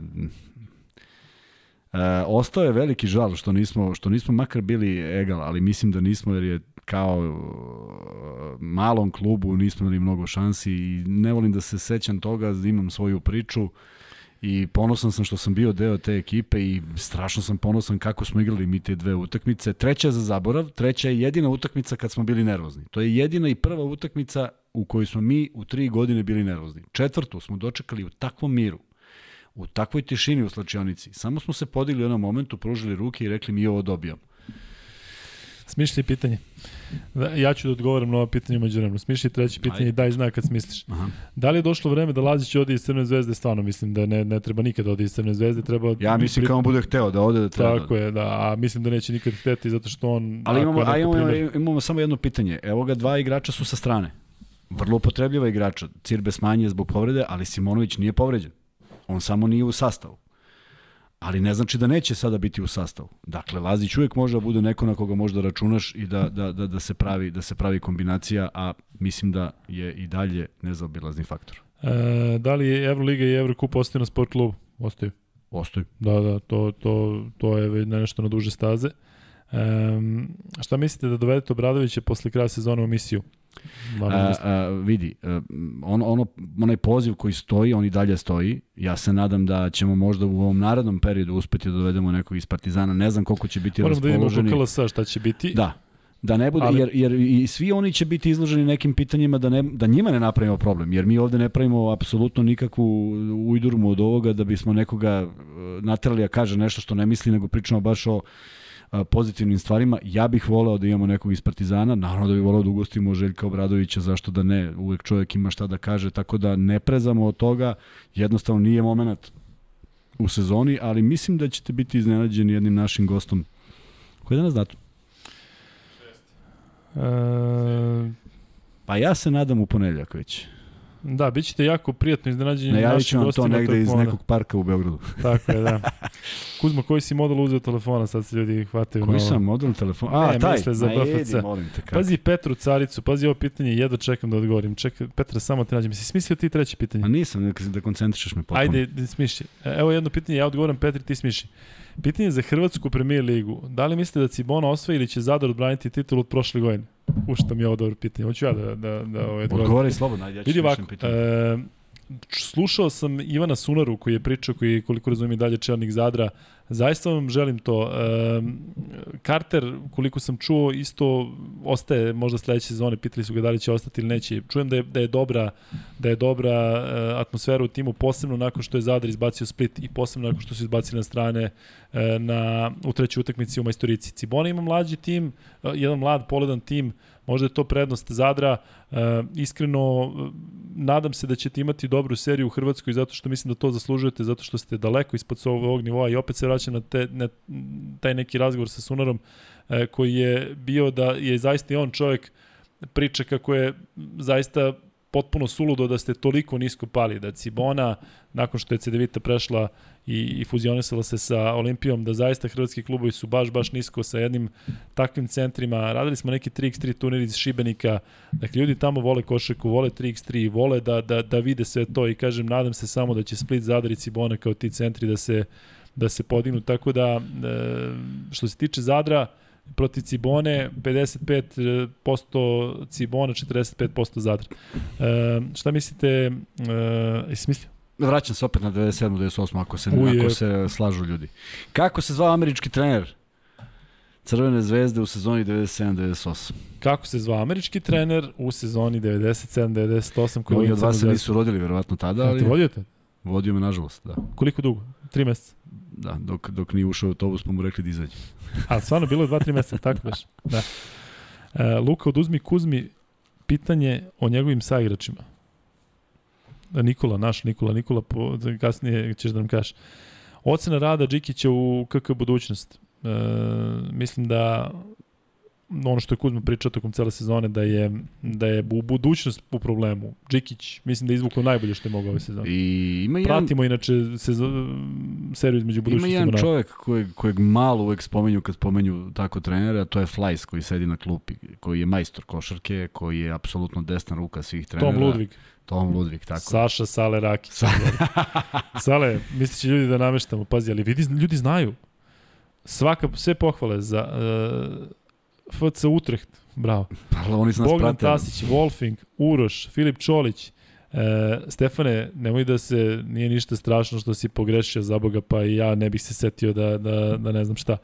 Ali da što je Stefan napisao Brown pa je povukao onda poruku kad je vidio da su svi odgovorili Ludvig taj Stefane nemoj zezati bre nego igramo se više u svakom slučaju Sale pošalje ID možda ga znamo na pamet iako ovaj, e, prvi put prvi put odgovoriš ajde sada da nam šaljete pitanje u vezi NBA lige zato što uključujemo uključujemo uskoro vanju propustio sam neka neka E, pitanja. Ali drugi smo sad, pa moramo da ih propustimo. Pita Morate još malo famozni da pukovnik Kodi, koji mislim da je naš čovjek.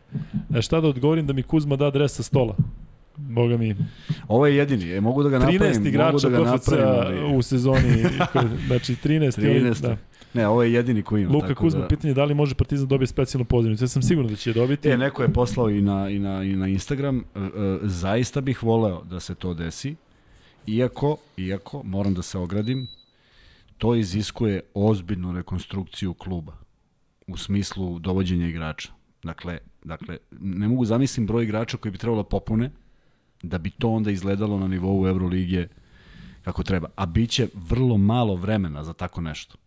Jer ne zaboravite da se igrači sad potpisuju na mesec i pod, mesec dana pred početak lige. Dakle, Tako koga god ti imaš, ti možeš da ga igraš samo mesec dana. Što je veći broj uh, igrača u timu, a manje se dodaje, to je nekako valjda logično lakše.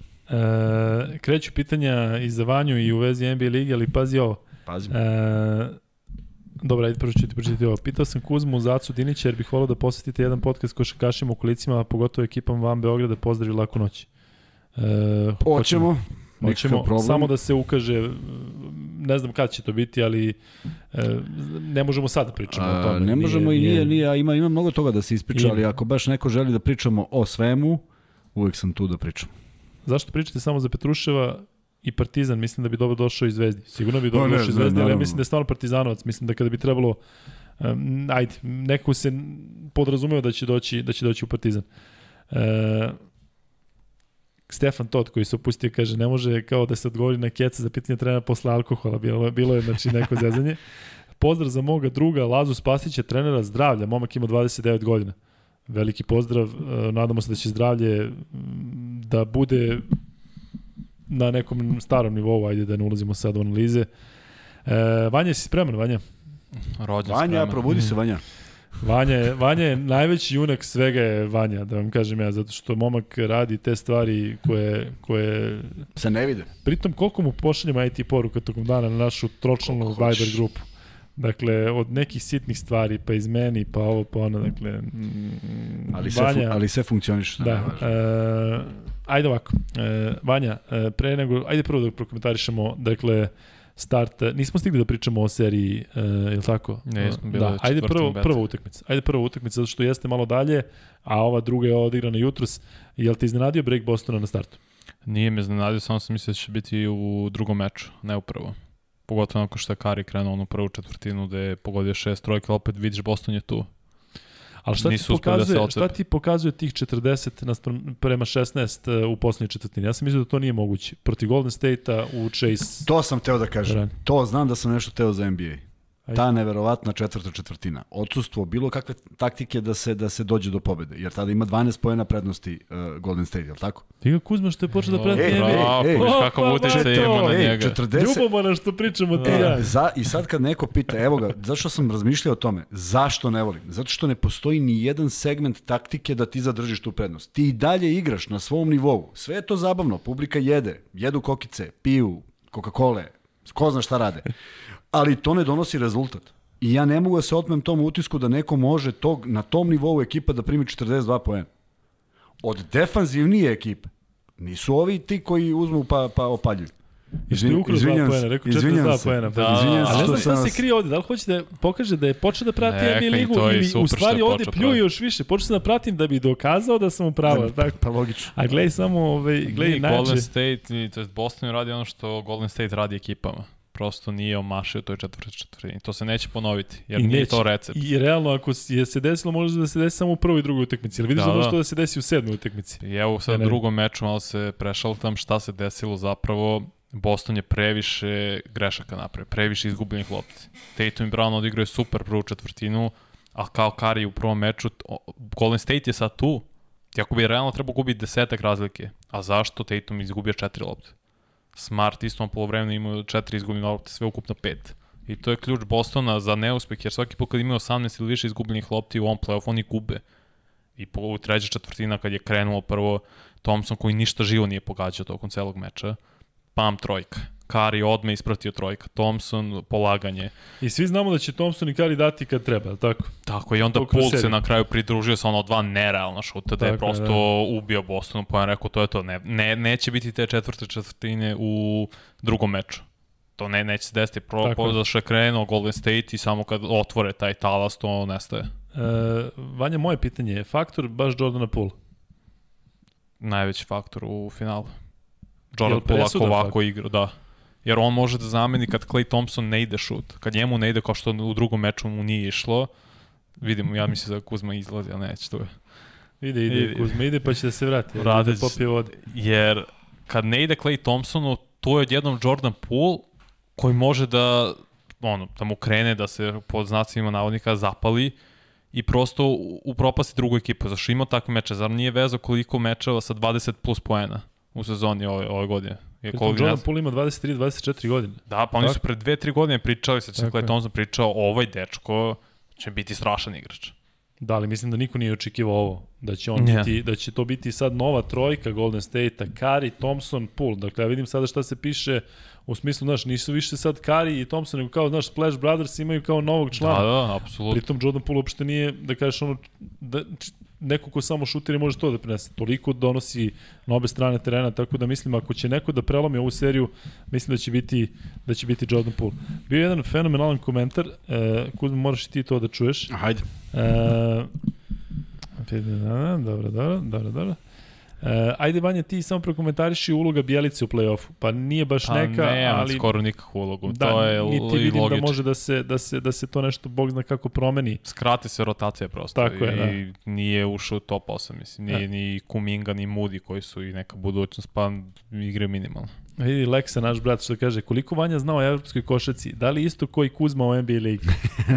Ja sam baš pre pratio je dok je ono Partizan igrao Euroligu redovno, ja sam išao na svaki meč. Pa zato se, smo se okupili ovako. da Tako možemo je, ovo je taj, tako. taj ša, šaroliki, šaroliki Šta nam fali? E, Boston i Golden State nemaju centre, minimalno ih koriste. Skroz se igra, vrti bez centara, da li je to budućnost moderne košarke? Pa nisam baš siguran da je bez, bez centara, a? Pa nije, to je neka realnost, nemo već poslednjih 3-4 godine. Jeste, ali kažem ti, ne, ne ipak je tu Luni, ipak... E, To je Grant Williams, Tako stav je, nije Williams koji, klasičan da. centar kao tipa Embiid. Jokić, Karl Anthony Towns i tako, to je taj fazon, nemaju... Ali dobro, razumem šta čovjek priča, zaista kad...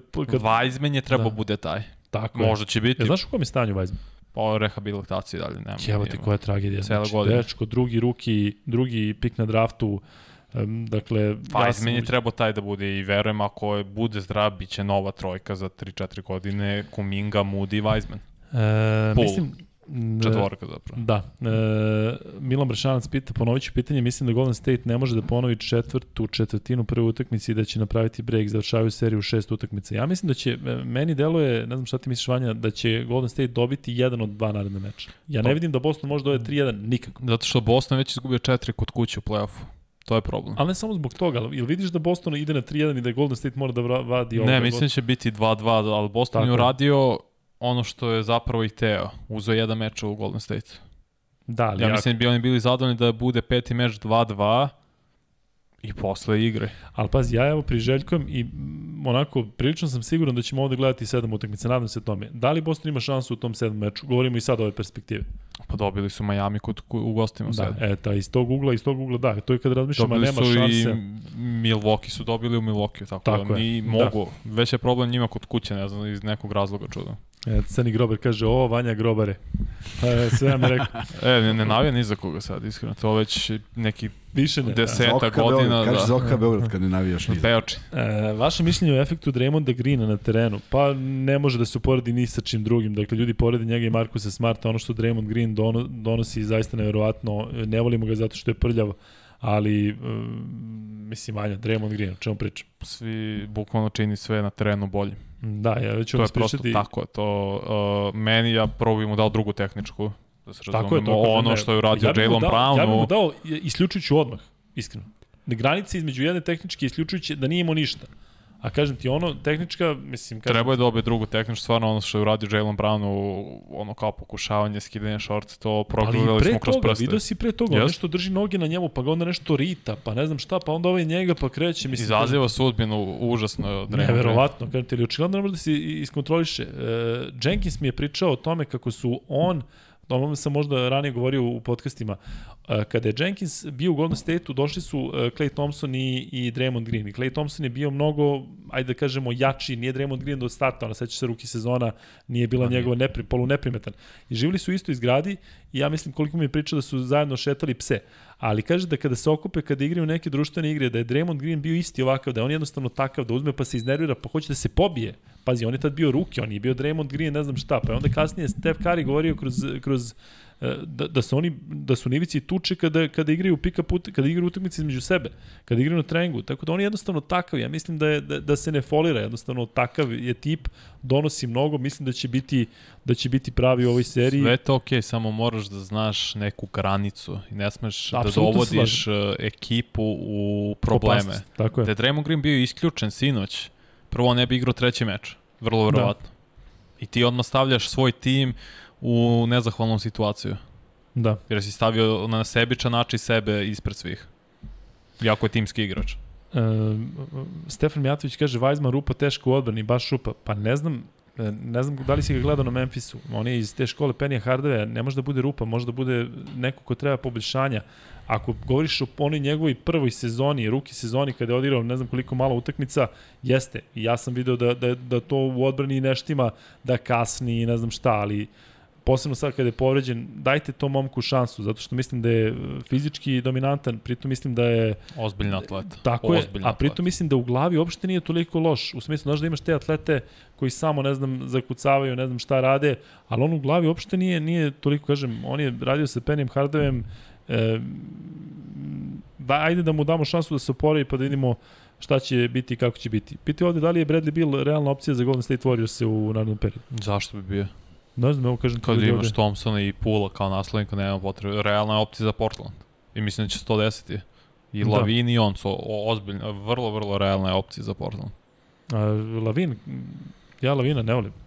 Kao igrača koji treba da bude lider ekipe. Koja pa, treba da urade nešto u play-offu. Ne kao lider, kao bude drugi, neki treći Tako. igrač, to da, jer stvarno je neverovatan stvarno ka, šta Jeste. radi na terenu, ne, ne, Lavin. nije sporno. Toliko je izrasto iz tog igrača koji nije samo ono idem za kucam, nego stvarno jest, i šut za tri, jest, dribling. Jest, I, stvarno je kompletan igrač postao. Završavat ćemo uskoro Kuzma ne brini. Luka Vanja, pitanje za vas. Ne bunim se uopšte. Za mene Tatum nije lider, on je donao break, nego je Brown. Horton mnogo mi je nekonstantan i to košta Boston. E, jeste da oscilira Tatum? Da, da.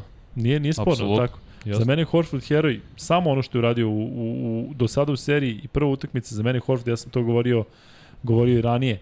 E, ovde sad imamo odgovor na to da li je Tatum. Grant Williams me podsjeća na Pidgey Takira, ja, samo za tebe pitaju. Pitaju, ko, pitaju ko je, da li je Stojiljković bio u BFC-u?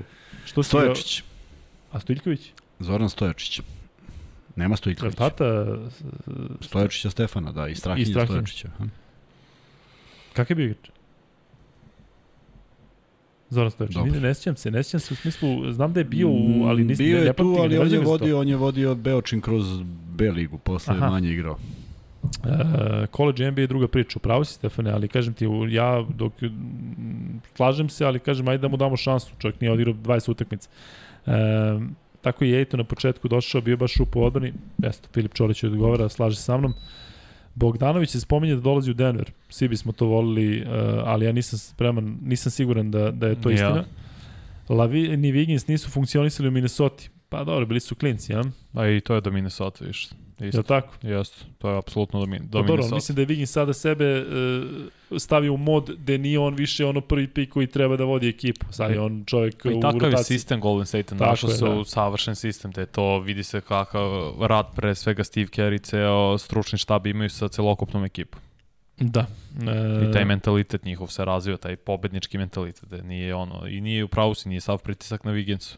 On je realno četvrti, peti igrač. Da, pa Pa bliže peti nego da, četvrti. Ako da. ćemo da stavimo Grina, Karija, Thompsona i Pula. U najboljoj je. varijanti peti. E, Vanja, šta kažeš na izjavu novog trenera Leja, Darina Hema, da je Westbrook jedan od najboljih igrača ligi? Pa to je ono što mora da kaže. Uvek treba podržiš svog igrača. Ali ja mislim da je Westbrook ja, ja ako je neko kritikovao Westbrooka, ako ima loše mišljenje njemu, to sam ja. Ali ja mislim da tom momku isto treba ostaviti sad prostor da se iz ovoga izvuče. Govorimo o MVP-u lige koji je nakon uh, Robertsona Beleže. O čemu pričamo? Evo te Russell Westbrook, jeste da mu fizikali, ali kažem, ajde da Ja sam sad potpuno na strani Westbrooka koliko sam bio ovaj, protiv njega, sada kažem ima da, da, da, da, da forsira Westbrooka maksimalno, što ti kažeš, naravno da će Hem to da kaže ako su zakucani za Westbrooka. Pa neće da kaže da, da, da je Westbrook e, prosek kada nije prosek i kada treba verovatno i da ga podigne mentalno. Jest, Westbrook pričamo o top 75 igrača ikada. E, Luka, na koliko bi ti utakmica suspendovao Grina na koliko utakmica? Um, pa na jednu utakmicu, pa tako. Ne možeš ga suspenduješ na, na dve utakmice ne zbog, ne znaš, na jednu utakmicu onako, a pa ako uradi to opet, onda na još jednu. Ne bih ono, kao, znaš, suspendovan si pa sad ti se opet prašta. E, mišljenje o Nikoli Vučeviću. Kuzmić ti? O Nikoli Vučeviću? Da, mišljenje kao igraču ili kao osobi ovako? I kao Pitanje, igraču, i kao igraču i kao osobi, apsolutno sve uh, jedan izuzetan momak, jedan izuzetno vredan momak, jedan momak koji je prošao USC sa izuzetnim uh, preispozicijama, imao neke rezultate koje je redko ko mogao uopšte da dostigne, to je te visine, jednu sjajnu karijeru, jednu sjajnu porodicu, jednu sjajnu priču iza sebe, izuzetno fin, vaspitan, je uporan i negde ja ne mogu da kažem s kim on igra, ne pratim na tom nivou da li igra sa dovoljno kvalitetnim igračima. Ne bi mogu za max bet free bet da odgovoriš jednog igrača s kim igra Ha? Nijednog? Nijednog. Znaš da igra?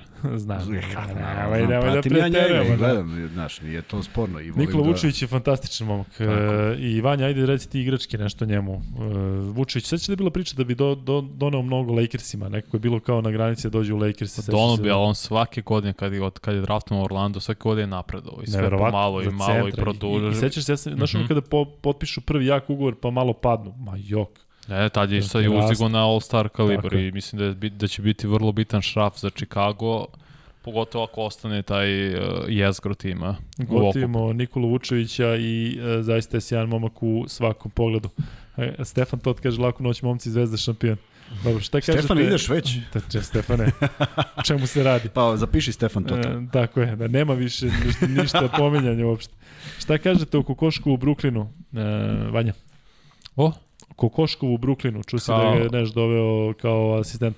To super, sjajno e, stvar. Sarađivali su u Phoenixu e, i žao mi je što neće biti više pored Luke Dončića, ali mislim da je u Bruklinu ima priliku da radi sa najboljim na svetu i Kuzma, ti si sa Koško, tebe Kokoško ubedio da ne budeš trener, tako? Da.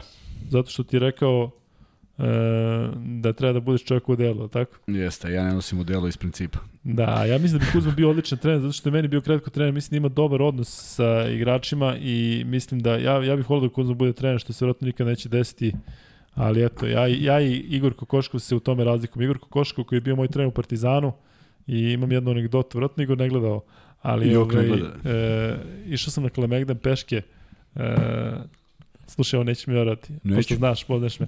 Slušam Walkman i slušam Be Free-a. Možeš misliti koji je to bio deo mog života. Objasni ljudima šta je Walkman. Pusti, bo, ne, nije problem Walkman, nego je Be Free problem. Objasni im kako je to radilo. I dolazim na Kališ i ovaj, nema nigde nikog. I dolazim sutra u isto vreme za redovan trening. Ja pit, i kaže on meni priđe kaže da si, pošto si prošao pored mene, a nisi se javio, kao da si se javio, ja bih ti rekao da je bilo, on išao vratno u suprotnom pravcu, da je otkazan trening. Ove, ali bio sam očigledno zalođen Be Free-evim baladama tog perioda, ove, tako da... Si prošetao do tamo. Da. Bio je Igor Hoće jednu, jednu anegdotu za njega iz NBA. Ne, evo tebi jedna anegdota. Igor Kokoškov ne, evo tebi jedna anegdota. Igor Kokoškov je svoj prvi trening imao u Vojvodi Mišić, kada smo mi trenirali u školi Košike Tadić. On je došao na svoj prvi trening i rečeno nam je ovo je vaš novi trener Igor. I on je došao prvi posle u Geološkoj. Dakle, treniramo i u Tadiću i, u, i u svemu i svakom čas zaista šta je napravio Za koliko? Znači, sad ću vam reći tačno, to je bilo 91. godina kada je on imao svoj prvi trening, e, pa onda on posle otišao kod Rebe. Ne, će mnogo 30 godina, razumeš, bolje kaži. Da, jeste mnogo. Ali eto, ajde sad ti Dobra anegdota je kad je on došao u Detroit i kad je Grant Hill igrao za Detroit i onda su ih malo počeli da ih ovaj, prozivaju pošto su, Igor je dosta taman, znaš, a imaju vrlo slične oči i negde su ih prozvali kao da su rođaci, nešto se šalili na taj račun i je jedan od treninga gde on ipak zauzima svoje mesto u stafu, a NBA zvezda su NBA zvezde. I kaže, ovaj, i pozivaju ga na neki sastanak i on mora da ide sa terena i kaže, e, ali pokazat ću ti nešto što ne znaš. On kaže, nešto što ja ne znam. Kaže, da. I pokaže mu kićinu, u stvari ono što je Bodiroga kasnije upražnjavao, što je prodao Amerikancima par puta. Sean Merino ili kom. I on ne, pogleda da. i kaže, vrlo interesantno. I kaže, Igor, jedno 20 minuta sam na sastanku, vraćam se, a on čovek, kaže, gola voda. I pokazuje, kaže, coach vidi, kaže, savladao sam. I to govori o nekom odnosu tih profesionalaca. Dakle, kada oni imaju čoveka u svom okruženju koji je trener, oni ne postavljaju pitanje da li on zna ili ne zna, nego je on tu zato što zna i zato što je on tu da da nešto korisno i oni će to da rade. Šta fali Dallasu, ko igrač? E, jel se slažeš Vanja, Rudi Gober? Slažem se. Da, i navijamo da Rudi Gober. Vidio si da je otišao Snyder iz Jute, neko se ekipa pa, raspada. Ne, ostavko rekao je potrebno prosto da, novi očekivano. glas. Posle da, ovog play-offa i ovako sve što se dešavalo.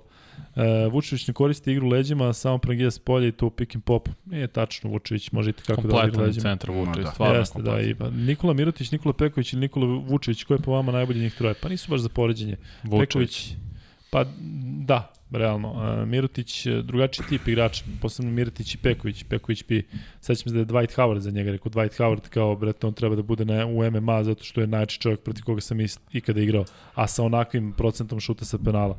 E, Šteta za Pekovića što, je, što su ga povrede Da. e, napravile da, da, da ne može da pruži 30% u NBA ligi, Nikola a pritom bio odličan. Ne znam da li su pitali za Nikolu Vučevića što su ga videli, bio je u hali. Jesu, je li bio u, Da, došao na utakmicu, da, da. Pa Ali kako ne, pa da. naravno. I objavili su da. Tako da je divno, doputuje samo na utakmicu. A, Nikola pita koje godine Kokoško imao saobraćajnu nesreću, aj sad. Uh, Kokoško imao saobraćaj nešto kad smo išli u vojsku. 90. godine. Da. Mi smo generacija i on je, ja sam ostao da igram u OK Beograd, on je otišao u vojsku u septembru 90. Znači 90. 91. 91. početak godine. Da li je vreme da Lillard ide iz Portlanda? Vanja? Ne, Ne, treba ja samo ne. Portland da... da dovede nekoga oko Lillarda, za mene tako je. Lillard. Zato sam rekao Bill i Lavin. Ali se plašim da, da, da neće uzeti, da će biti jedan od onih igrača koji nikada neće uzeti titulu. Kakvi su Carmelo, Westbrook, Harden. Charles Barkley. Da. Da, da, pa dobro, iz prošlosti ih ima mnogo, ali govorimo o ovim danas superstarovima koji nema šanse da uzme titul. Ja ne znam da li Harden moguće da, da priđe ikada finalu NBA ligi. Ali dobro, to su neke druge stvari. Ali ima svoje patike. E, Denis Mitov kaže pozdrav svima. Mislim da je lagano vreme da i mi kažemo pozdrav svima, zato što, ili gruvamo dva i po sata, Vanja? Da, 2 Ne gruvamo. sata i 20 Je minuta. rekord? Jeste. A? Jeste, Momci, imali smo zaista da pričamo svašta. Uh, ono što želim da poručim svima koji će možda ovo gledati naknadno, pošto su verovatno neki legli, uh, zaista se nadam da se družimo sa svima, da niko nije odustao od, od iz navijačkih strasti, jer pokušavamo da pričamo o košarci kao nečemu pozitivnom, nečemu što zaista može da donese jednu nekada tugu, nekada radost, ali sigurno ne želimo bilo kakva prepucavanja i, i, i život ide dalje, krećemo u neke nove akcije i bit ćemo ponovo aktuelni i pričati o košaci, tako da ostanite uz nas.